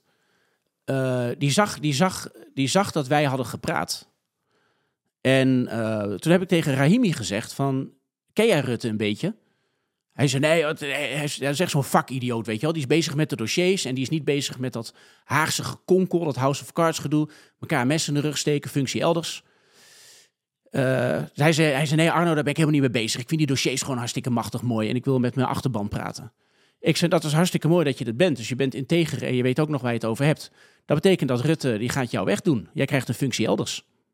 Ik zei, ik garandeer jij dat, dat je over een jaar niet meer op deze stoel zit. Dus hij moest een beetje lachen. Hij zei, hoe gaat hij dat dan doen? Ik zei, nou, dat is wel eens eerder gebeurd. Ander Kamerlid, Joost Taverne, die was tegen een extra reddingspakket voor Griekenland. Want was beloofd dat dat niet zou gebeuren. Hè? Geen cent meer naar de Grieken. Nou, gebeurde het toch, werd er gestemd. Joost Taverne die zegt, ehm, ik stem tegen, want uh, dat heb ik mijn kiezers beloofd. Toen kreeg hij een brief van de partijvoorzitter. Zei hij, dankjewel dat je zo goed hebt gewerkt voor de VVD. Je bent een fantastisch Kamerlid. We zien je graag terug bij de volgende verkiezingen. Daarom kom je op plek 50. Zo. En ik zei tegen Rahimi, ik zei, jij bent tegen die digitale identiteit. Jij ziet die veiligheidsrisico's omdat jij het snapt. Mm uh, en daarmee ben jij eigenlijk een bedreiging voor de winstgevendheid van die clubs uh, die via dat WEF die regering pushen om iets te doen wat heel dom is. Ja. Dus ik zei, binnen een jaar gaat dit met jou gebeuren. En toen viel dat kabinet en toen belde die me op. Dus hij moest daarom lachen en uh, toen, toen belde die me op. Zei hij, Arno, ik heb goed nieuws en slecht nieuws. Wat wil je eerst horen? Vanuit hem dacht ik, ik zou doe eerst slechte nieuws, want dan wordt het beter. Hij zei, Arno, je hebt helemaal gelijk. Ze hebben zo'n functie elders met mij gedaan. Want uh, ja, ik sta op een onverkiesbare plek. Dus ik zei van, maar horen, wat is dan het goede nieuws? En hij zei, ja, het was geen plek 50. Dat is echt wel heel zwartgallig van jou. Het is plek 46. dus alle kritische geesten die iets snappen van IT-veiligheid... Ja. die zijn door Rutte uit de Kamer gezuiverd. Dus nu heb je gewoon een hele bak met uh, experts internationaal recht... Uh, European Studies, sociologen, uh, communicatiemedewerkers. Die snappen de ballen van digitale identiteiten, van risico's die eraan gekoppeld zijn. Mm -hmm. uh, die weten dat als ze, als ze wel kritisch zijn om de juiste redenen, omdat ze misschien zo'n video als dit kijken en inderdaad IT-experts in hun omgeving vragen, uh, als zij hun mond opentrekken, dan worden ze gewoon koud gesteld, dan zijn ze hun baantje kwijt. Die Raimi trouwens, die, ja, die maakt, maak ik me daar geen zorgen om, want die kan gewoon die komt echt wel aan de, aan de bak in de IT, zullen we maar zeggen, met die personeelstekorten. die hoeft ook geen wachtgeld en die verdiende een stuk meer volgens mij dan uh, hiervoor. Uh, dan toen hij in de Kamer zat inmiddels, want hij is er dus uit door die verkiezingen.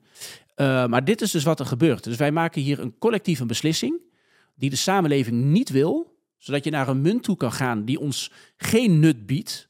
Want wat is het nut van central bank digital currency voor mij als ik er niet mee mag sparen? Mm -hmm.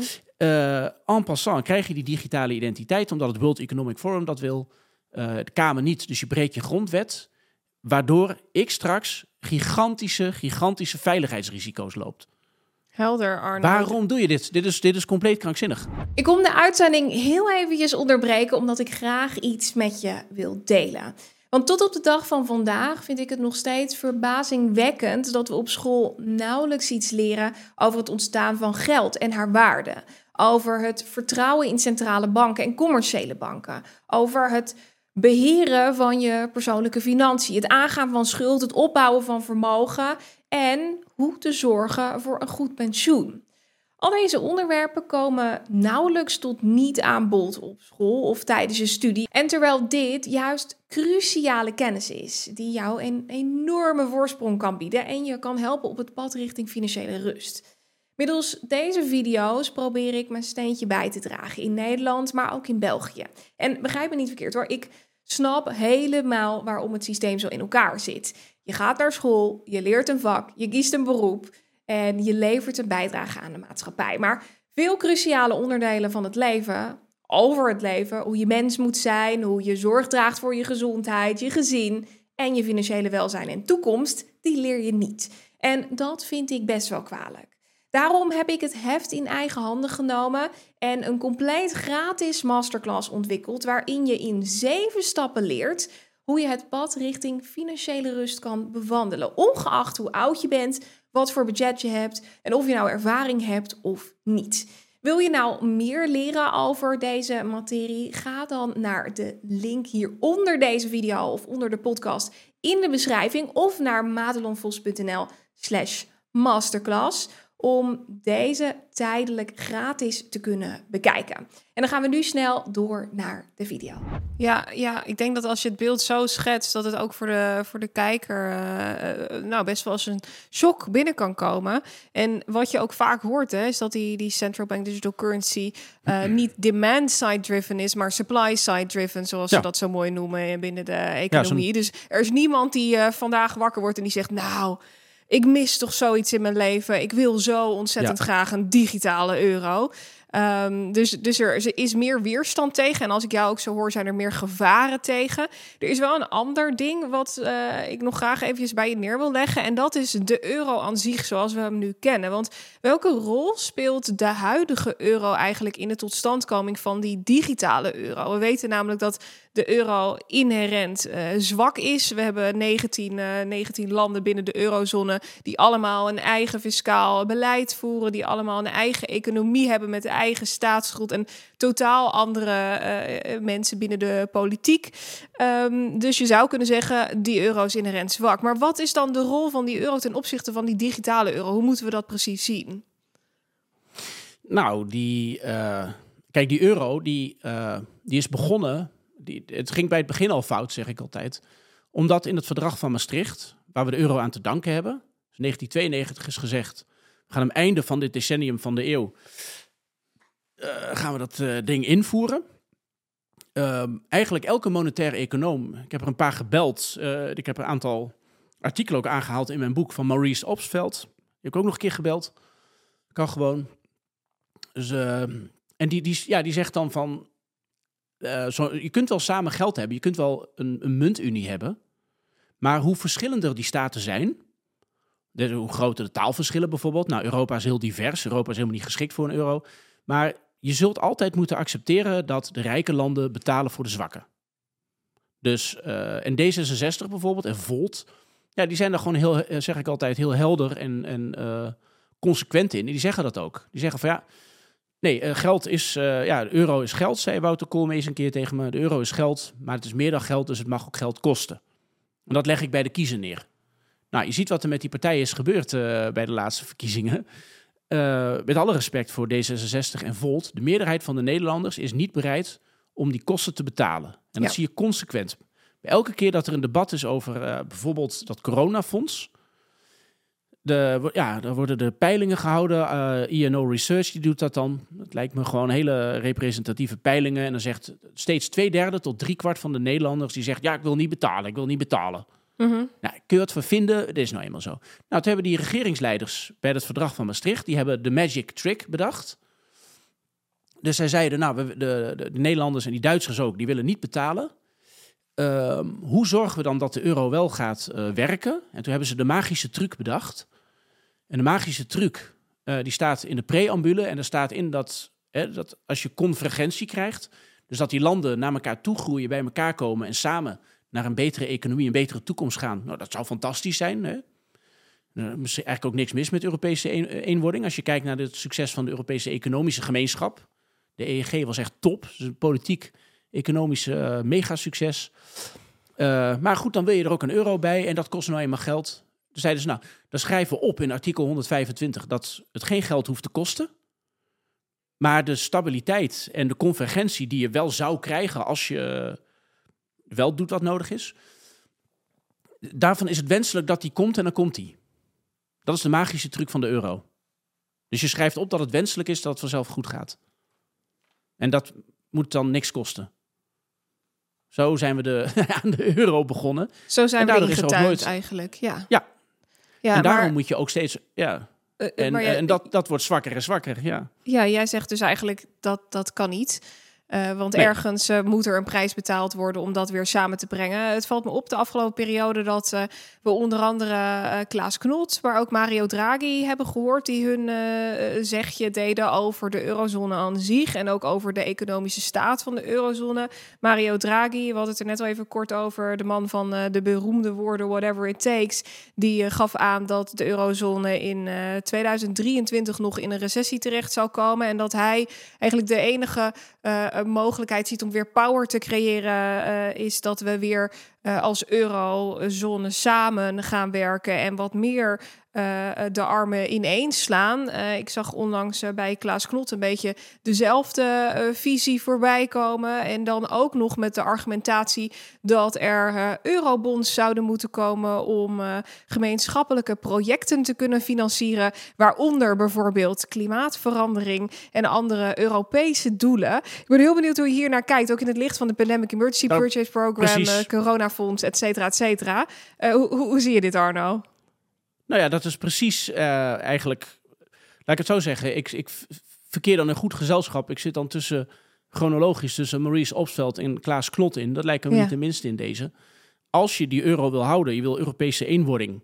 En dat is een politieke mening. Hè? Ik zeg mhm. altijd, daar kun je voor of tegen zijn. Ja. Um, het, het, gaat ook niet om wat ik, hoe ik er tegenaan kijk. Bijvoorbeeld, mijn mening is echt totaal irrelevant. Maar ik heb wel ook in mijn boek gezegd: als je door wil gaan met die Europese eenwording, dan moet je toe naar gemeenschappelijke financiering. En noem dat dan gewoon. Zeg gewoon dat dat zo is. Ga dan niet zeggen dat het moet vanwege een virus en dan dat geld uitkeren als de pandemie al lang voorbij is. Wat er met dat Pandemic Emergency Program en dat, uh, dat coronafonds is gebeurd, dat wordt echt aan de meest waanzinnige dingen gewoon, uh, gewoon, gewoon stuk geslagen. Er worden nu kozijnen uh, vervangen op Sicilië met coronageld. Terwijl door de inflatie die je kreeg door dat bijdrukken van dat geld op dat moment, is de koopkracht, de reële koopkracht van verpleegkundigen, onze zorghelden, die is achteruit gegaan. Vanwege virus, zodat je kozijnen kunt timmeren. Het slaat echt helemaal nergens op. Alleen door dat te doen, door op het hoogtepunt van die crisis wel die eurobonds, want dat zijn het, gewoon uit te geven, uh, laat je wel aan de financiële markten zien dat als bijvoorbeeld Italië in betalingsproblemen zou komen, dat Nederland dan het bonnetje pakt. En dan ga je een heel omzichtig uh, coronafonds bouwen. Waarmee je eigenlijk ook nog eens een digitale dictatuur bouwt. Tegen de zin van de Kamer en tegen de grondwet van Nederland in. Uh, want daarmee, met dat geld, wordt dus, worden al, dus, dus al die appjes gebouwd. Uh, zeg gewoon tegen de mensen van. De regering wil een euro. Een euro kost geld, kost een paar procent van het bruto nationaal product. Dat gaan we van tevoren in een potje stoppen. En als er dan een volgende crisis is, dan heb je dat potje om interne verschillen, dus de volgende eurocrisis, die zal heel verschillend neerslaan in, in landen. Dat, uh, uh, dat kun je nu al zien aankomen, wat die volgende eurocrisis ook is. En dan heb je van tevoren al een potje gevuld. Ik zeg altijd die eurobonds, zoals Klaas Klot het ook noemt, mm -hmm. de, of de zogeheten coronabonds. Het is een bond, het is een schuld. Ja, dat is een, een teken van armoede. Ja. Een obligatie. Dus je moet geld lenen. dus, dus hetzelfde als dat, dat, dat je zegt, nou, ik moet mijn kozijnen hier nog verven. Uh, en ik heb geen geld gespaard voor kozijnen verven. Terwijl je van mijlenver kunt zien aankomen dat dat een keer moet. Dan ga mhm. ik het geld wel lenen. Dan ja. ga ik een kozijnenbond, kozijnenobligatie uitgeven. Maar in dit geval is het zo dat je, een, dat je het geld leent en dat je besluit om samen met je buurman de kozijnen te laten doen. Zowel zijn kozijnen als jouw kozijnen. En die buurman die staat er financieel net iets minder goed voor dan jij. En vervolgens kloppen jullie beiden aan bij de bank. En de bank die zegt, ja, alles leuk en aardig Arno... maar dat jij er financieel zo goed voor staat... dat kan me een bied wezen. Doordat je dit samen met je buurman wil gaan doen... gaat die rente omhoog. Ja, ja, precies. Dus je krijgt een. Dus het, dus het kozijnenfonds, zeg maar, samen. Dat zou, dat zou je als Nederland krijg je dan een hogere rente. Ja. Dan wanneer je het zou doen zonder Griekenland er bijvoorbeeld bij. Ja. Maar waarom zo moeilijk? Waarom zeg je niet gewoon van. En ik, ik, misschien moet Klaas Knot dat ook gewoon een keer de knuppel in het hoenderok gooien. Mm Want hij zegt eigenlijk, ja, die coronafondsmethode. Uh, dat moeten we dus doorzetten. Zeg gewoon, wees gewoon eerlijk. Zeg gewoon, Nederland zit met Griekenland in een euro. Wij moeten elk jaar gewoon 10 miljard euro aan Griekenland geven. Ja. En dan moeten we ook kijken wat je met Italië moet doen. Maak het gewoon concreet. En dan maak je een, een open fonds. Dus je zorgt dat er een nieuw Europees Monetair Fonds komt. Uh, gewoon een paar procent van de Nederlandse economie moet daarin. Dus alle Nederlanders gaan een paar honderd euro netto belasting extra betalen. Dan krijg je een blauwe brief op de mat in die mooie kleuren van de Europese vlag met die, met die mooie sterren erop. Dit is de eurobelasting. Geld hebben, hè? dus niet geld lenen kost geld, maar geld hebben samen.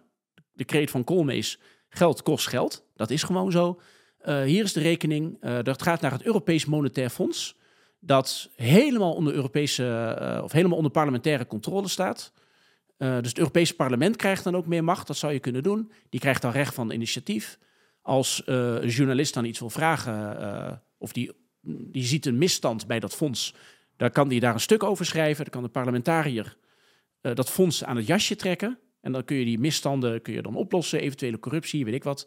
Dan maak je het gewoon compleet open, eerlijk en transparant. En dan zeg je tegen je burgers: wij hebben de euro, de euro kost ons geld, dit is de rekening, maar we doen het wel transparant. In plaats daarvan krijg je al die onzin met: ja, het moet vanwege het virus. Ja, wij zijn klaar met het virus, maar het virus is niet klaar met ons. Als dat virus zo erg is, ga dan je IC opschalen. Ga die verpleegkundigen dat geld geven. Dus je moet dan allerlei rare kunstgrepen doen om, uh, om te laten zien dat Nederland bereidwillig is om te betalen. Betaal gewoon, dan hoef je ook niet naar de bank. Ja, dus, dus het, voorbeeld van jou met die kozijnen zou je gewoon de buurman geld moeten geven als Nederland. Precies, dan had je hem direct geld kunnen geven omdat jouw financiële positie beter was dan die van de buurman. En dan hoefde je die hele bank er niet, uh, niet eens tussen te laten komen. Um, nee, maar dat is politiek moeilijk. Ja, precies. Politiek want dan, krijg je dat niet rond. Dan is de vraag of jij dat dan maar net wil, de ja of de nee. En of jouw familie thuis denkt, hé, hey, uh, alles leuk en aardig. Maar Arno, hoezo ga jij ineens geld geven aan de buurman? Dan krijg je dat aan die eh, buurman. ja. En dan, zeg ik, eh, ja, nee, het moest vanwege het virus. Ja, ja dan heb je in ieder geval een goede smoes.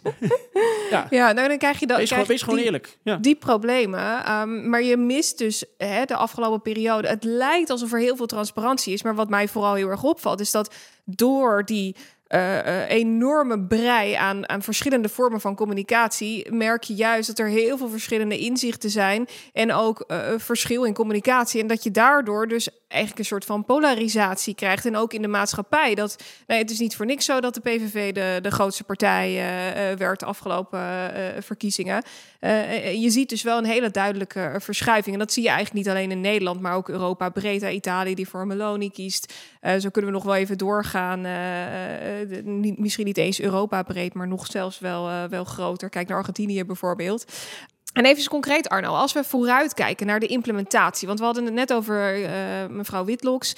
En uh, zij had natuurlijk het plan klaar liggen tot uh, derde kwartaal 2023. Hoe ziet dan nu het plan er voor de komende tijd uit? Want jij stelt, het is al lang besloten. Er moet alleen nog ja. even bekeken worden naar, nou ja, gekeken worden naar wat er nou onderliggend aan mogelijkheden zijn omtrent privacy, omtrent de limieten. en, en of we nou moeten gaan inloggen, de ja of de nee. Um, hoe, hoe snel zie jij die implementatie uh, plaatsvinden? En wat heeft dat voor implicaties voor uh, nou, de burger, voor ieder die dit nu kijkt? Nou, die, uh, de Europese Commissie die er nu zit, die heeft, dus de voorzitter is Ursula von der Leyen. En die heeft in, in juli 2019, dus vlak na de Europese verkiezingen, maar vlak voor de pandemie, ik zeg dat, dat nog maar eens bij, heeft zij een brief gestuurd naar het, uh, het Europees Parlement. En zij zei van, ik word voorgedragen door de Europese Raad, zo werkt dat. En dan kan het parlement kan haar afwijzen. En toen zei ze, nou, uh, lenen Sie mich bitte nicht ab, weil ich habe solche gute ideeën. En had ze een hele mooie brief geschreven. En dan zei ze, ik heb zes terreinen die ik wil doen. En één is de Green Deal en de Digital Decade. In het kielzog van die Digital Decade, sterkere Europese democratie. En, en daarin zit ook bijvoorbeeld de wet tegen misinformatie. En dat heet de Digital Services Act. En dat betekent dat als je uh, iets over corona zegt wat niet waar is, bijvoorbeeld uh, van. Uh, ja, als je het vaccin neemt, dan krijg je een extra tiet boven je ogen. Zeg maar wat. Uh, compleet willekeurig uh, voorbeeld. Ja. Dan moet de provider, dus de, degene die de dienst uh, levert, ja. die, die moet dat dan weghalen. Ja. En dat geldt voor partijen van boven de 45 miljoen gebruikersplatforms in Europa. Dus op een Facebook, een Twitter, et cetera. Twitter, ja, ja. absoluut. En het grappige is, maar zij zei dat in de zomer van 2019 al. Toen zei ze, ja, nee, maar de, de, we zijn gehackt door de Russen. Want onze, onze democratie wordt bedreigd door de Russen, die hebben mm. ons gehackt. Alleen is wel heel raar als je dan een commissie vormt met mensen op wie eh, redelijk veel is gestemd. Dus als je, bij, als je als reactie op verkiezingen waar jij zelf als president uitkomt, uit dat proces zeggen: ja, maar dat proces is gehackt door de, door de Russen. Wat zegt dat over jou? Dus heeft ze dat offline gehaald. Maar ze had dus al een hele duidelijke visie van digitale paspoorten, handel in medische data, ehm, eigenlijk censuur op het internet. Ehm, en uh, dat is daarna aan corona gekoppeld. Want toen zei ze van ja, nou dat van die Russen kan ik dan niet bewijzen. Maar toen was het misinformatie vanwege corona. Dus je krijgt inderdaad gewoon een censuurwet. Je krijgt dat Europese digitale paspoort, zodat bedrijven uh, bij jouw elektronisch patiëntendossier kunnen. Dus dan krijg je handel in je data. Ursula von der Leyen zei in het begin, toen dat werd aangekondigd, van uh, users will be in control of their data. En um, dus dat betekent dat jij via de app kan bepalen of een bepaalde medicijnfabrikant wel of niet in jouw elektronisch patiëntendossier kan. Dat zal dan trouwens wel, uh, uh, dat is wel anoniem gebeuren.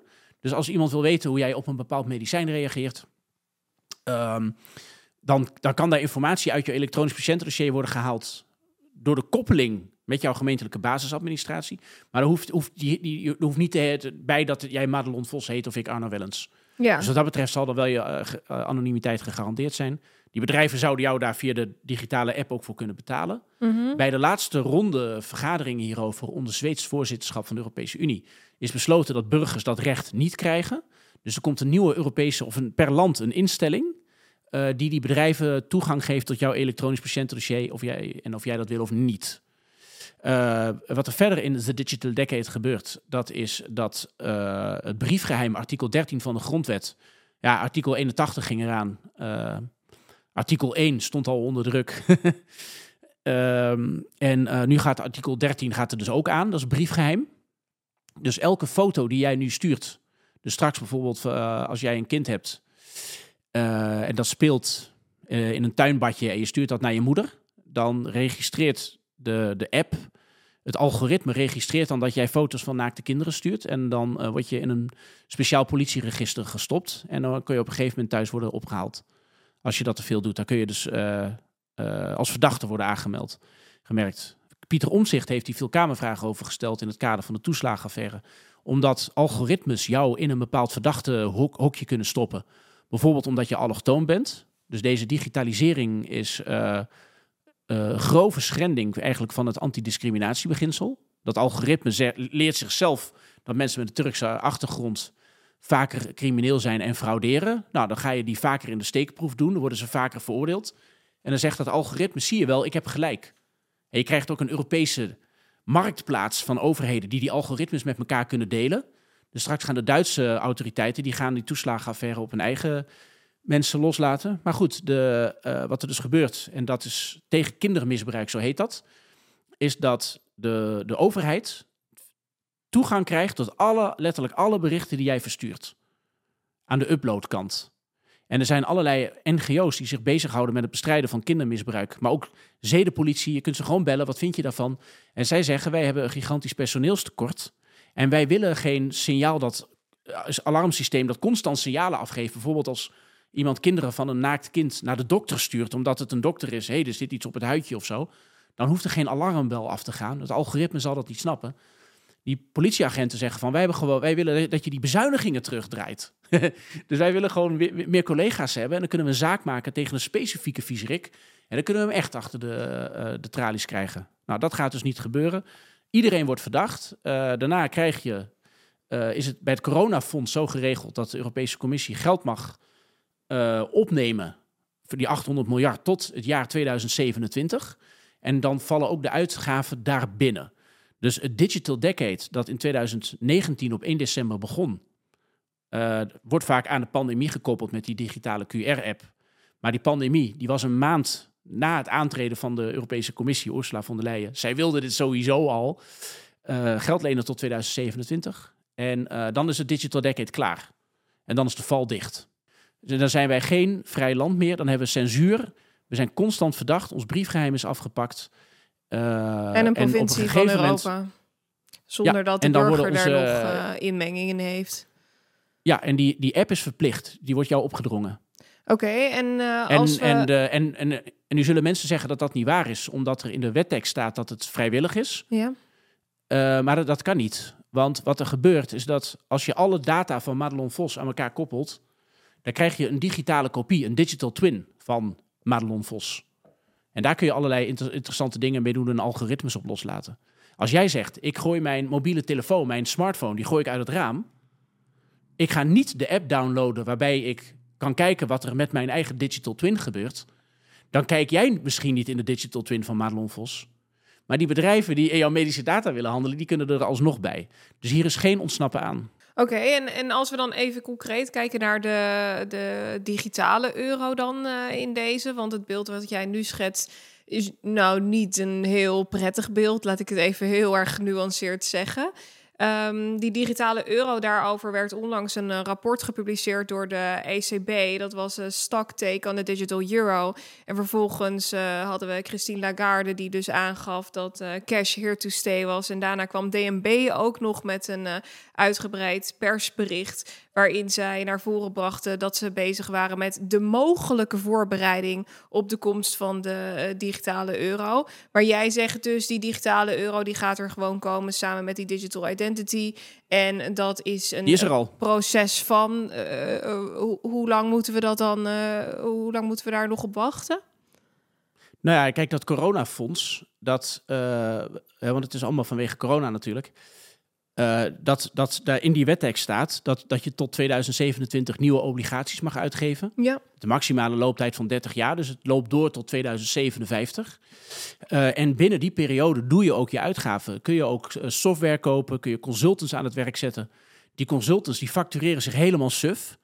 Dus de McKinsey's en de Accentures van de wereld en allemaal dat soort bedrijven. Ik hoor precies wat daar gebeurt.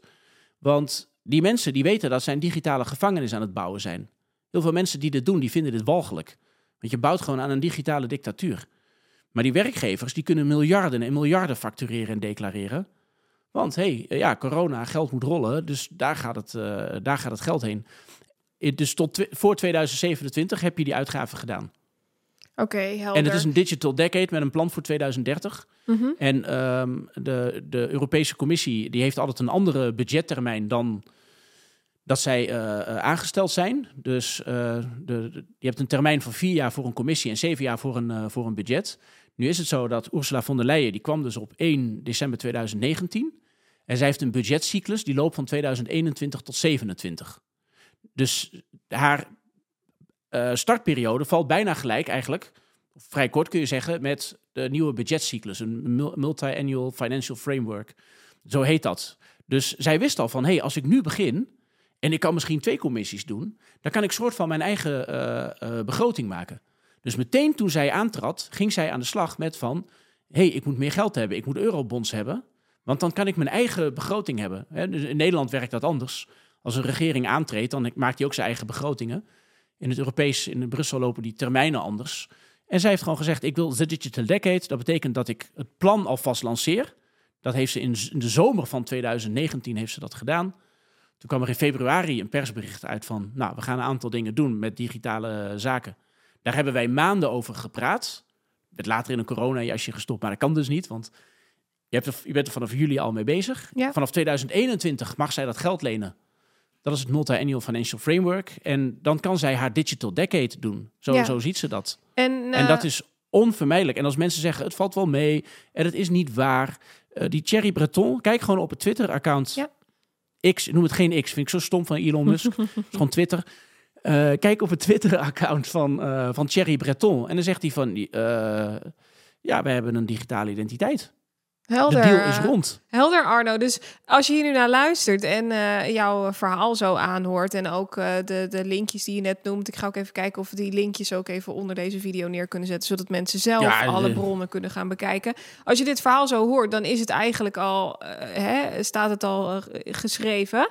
Um, ja. Maar kan me ook voorstellen dat er mensen zijn die denken: nou shit, als dit het plan is, ja, daar voel ik me eigenlijk helemaal niet prettig bij. En leuk dat de PVV dan nu gewonnen heeft, maar die gaat dit dus niet tegenhouden. Nee, um, uh, wat zou klopt. jij tegen uh, die mensen willen zeggen? Die dit nu kijken en denken: ja, ik sta hier totaal niet achter. Ik heb jou vaker horen praten over een referendum of iets in die trant. Dat is allemaal te laat. Wat je, nog, wat je nog zou kunnen doen, is dat je een politieke beweging uh, start en want dit gebeurt allemaal buiten het medeweten van, van, van, van mensen om. Ja, ook van menig politici, uh, denk ik hoor.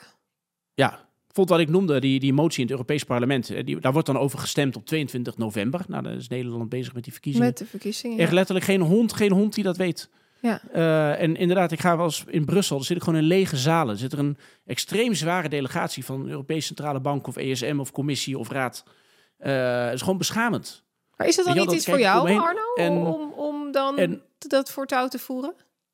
Nou ja, kijk, wat, je, eh, wat, wat ik nu doe, ik vind gewoon sowieso dat mensen dit moeten weten. En als de samenleving in meerderheid zegt van die grondwet, die, ik vind die grondwet niet zo belangrijk. Ik hoef geen briefgeheim.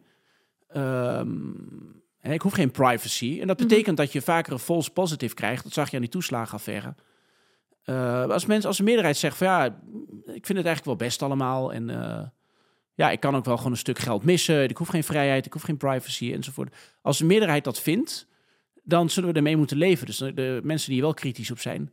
Dan komt er op een gegeven moment een situatie dat die gegevens gestolen worden. En dan krijgen we gigantische problemen. Want dan wordt iedereen gewoon afgeperst met zijn meest intieme details. Alle, in dit, alle details die je ooit op uh, digitaal, eh, zeg maar, alle intieme details die je ooit op digitale wijze hebt gedeeld, die zijn dan in handen van, de, van Igor uit de, de hekfabriek uh, van, van Volgograd. Um, dat, dat is wat je gaat krijgen. Dat, dat heeft enorme geopolitieke consequenties. Mensen zijn bezig met tanks, hè, alsof we met tanks nog oorlog gaan voeren. Het gaat om data. Data is, is oorlog. Nou, als je dit wil tegenhouden, uh, dan moeten we ons realiseren dat de, het coronafonds, dat is het door. Dus we hebben gezegd, er is een pandemie, dus we moeten tot 2027 een uh, uh, geld ophalen. En dan kunnen we Digital Decade financieren. Dat, dat is al rond. Dat geld wordt nu gewoon opgehaald. Er zijn nu as we speak zijn er ambtenaren in Brussel die bellen banken op en die zeggen: Yo, kan ik geld bijlenen? Want ik moet nu een nieuwe serie obligaties uitgeven. Als je dit, als je dus als nu een Kamermeerderheid, dus als een politieke meerderheid, een meerderheid van de samenleving, doorkrijgt wat er gebeurt met die digitalisering en dat niet wil, dan zul je al die appjes en die softwarecode en al die dingen, je kunt alles bouwen en daarna kun je het in een container gooien. En dan, dan laat je die container uh, in, die laat je door de marine in de Marianentrog duwen, waar al die digitalisering in zit, USB-stickjes met code. Maar het, het principe dat je uh, voorkomt dat men aan het bouwen slaat voor The Digital Decade, mm -hmm. dat, dat, is... Dat, is, dat is niet meer terug te draaien. En het is briljant gespeeld. Uh, ze hebben die pandemie daar compleet voor misbruikt. Dat is never nooit om zorghelden gegaan. Dat is echt het grootste verzinsel ooit. Uh, de pandemie bracht de mogelijkheid om broodnodige eurobonds te bouwen. Uh, en die zijn toen maar coronabonds gaan, uh, gaan, gaan heten. En daarmee financiert men de Digital Decade. Ja. En nu vervolgens dus je kan het, wordt dat onder de noemer van het klimaat verscholen. Ja. En zo kunnen we nog wel even doorgaan. Maar als ik jou zo hoor, is het niet een ongelooflijk positief verhaal. Ik had zo graag afgesloten met, met iets positiefs of een, een nou, positieve je, kijk, optie. Je... Of in ieder geval nog een, een, gat waar iemand in zou kunnen springen. Waarvan je dan denkt van nou zo kan ik het nog tegengaan. Maar dat, dat, dat hoor ik helaas niet. Nou ja, ik, ik, ik heb het wel eens, wel eens vergeleken. Hè. Stel, dat je, stel dat je een vrijgezelle man bent. Uh, en je gaat op Tinder en je komt daar een Duitse vrouw tegen. En een beetje een pinnig type. Mm -hmm. Met een geblondeerd, uh, weet je wel, allemaal haarlak heeft. Ze heeft al vijf kinderen.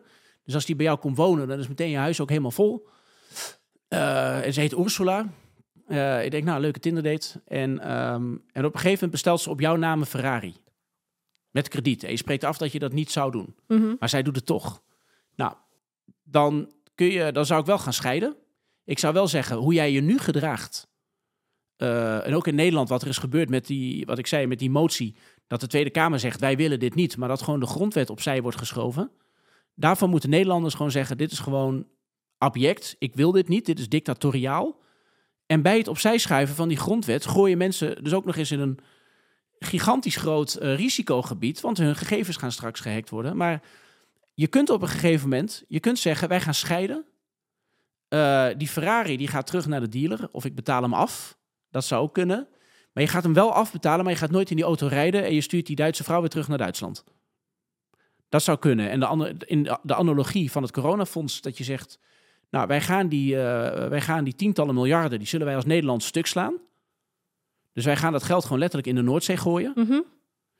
uh, maar wij gaan die appjes nooit implementeren. Wij gaan het nooit gebruiken. Dan ben je er wel en Geert Wilders moet dit doen. Ja, ja, Geert Wilders moet dit doen. Ja. Dus dit is zijn, zijn verantwoordelijkheid. En hij is met allemaal dingen bezig. En dan is hij met, met hoofddoeken en dat soort dingen bezig. Ik zou als, als Geert dit kijkt, ik zou zeggen, yo, uh, of uh, premier Wilders, excellentie, zo moeten we me aanspreken straks. Ja. Um, haal, die, haal die focus weg bij mensen die, uh, die shawarma eten en hou je hiermee bezig. Want dit is een veel grotere bedreiging dan mm de anders kokenden, zullen we maar zeggen. Hier moet je je nu over uitspreken. En als je dat wil tegenhouden, is dit het moment. Want dan implementeer je die wetten niet, maar dan betaal je wel die coronaleningen. Dat heeft Nederland nou eenmaal beloofd uh, te doen. Dus dan gooien we wel geld stuk op de digital decade. Mhm. Maar Nederland blijft een democratie. Dat kan, dat kun je nog doen. Ja, en misschien ook wel een oproep aan de kijker om hier uh, focus op te houden de komende periode. En om uh, daar ook uh, op sociale media gewacht van te maken op het moment dat, dat, dat dat mogelijk is. Arno, heb jij nog afsluitende woorden voor ons naar aanleiding van dit gesprek? Want we zeiden op voorhand al, we kunnen hier uren over praten. Mijn rug ja. wordt een beetje houterig op dit moment. Dus ik ben heel benieuwd of je of nog afsluitende woorden hebt. Ik, heb hier een, uh, ik ben hier een boekje over aan het maken. Ja. En uh, dat zeg ik er meteen bij. En het boekje is gratis. Heel goed. Dus je kan hem dan ergens downloaden. En dan kun je zelf besluiten of je wel of niet wil betalen. Dat doe ik ook voor mensen die, ja, die het dan niet kunnen betalen.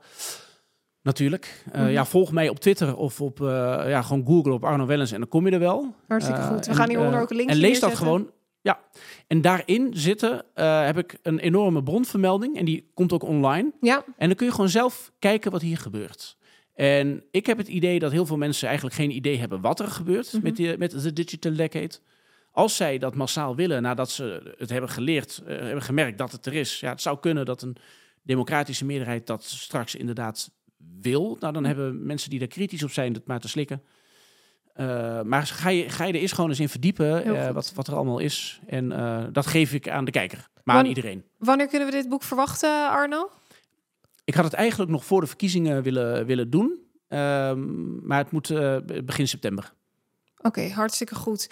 Dan gaan wij dat in de gaten houden. En dan wil ik je nu ontzettend bedanken voor dit zeer uitgebreide gesprek. Ik had gehoopt dat we wat positiever hadden kunnen eindigen. Maar er is maar nog een kan, hè? klein, sprankeltje, klein sprankeltje hoop. En dan moeten we het dus echt samen doen. We kijken uit naar, naar je boek, Arno. Ik zet hieronder ook de linkjes naar jouw sociale media platformen. En de linkjes naar de relevante bronnen die we vandaag besproken hebben. En ik ja. wil jou ongelooflijk bedanken voor deze zeer waardevolle bijdrage.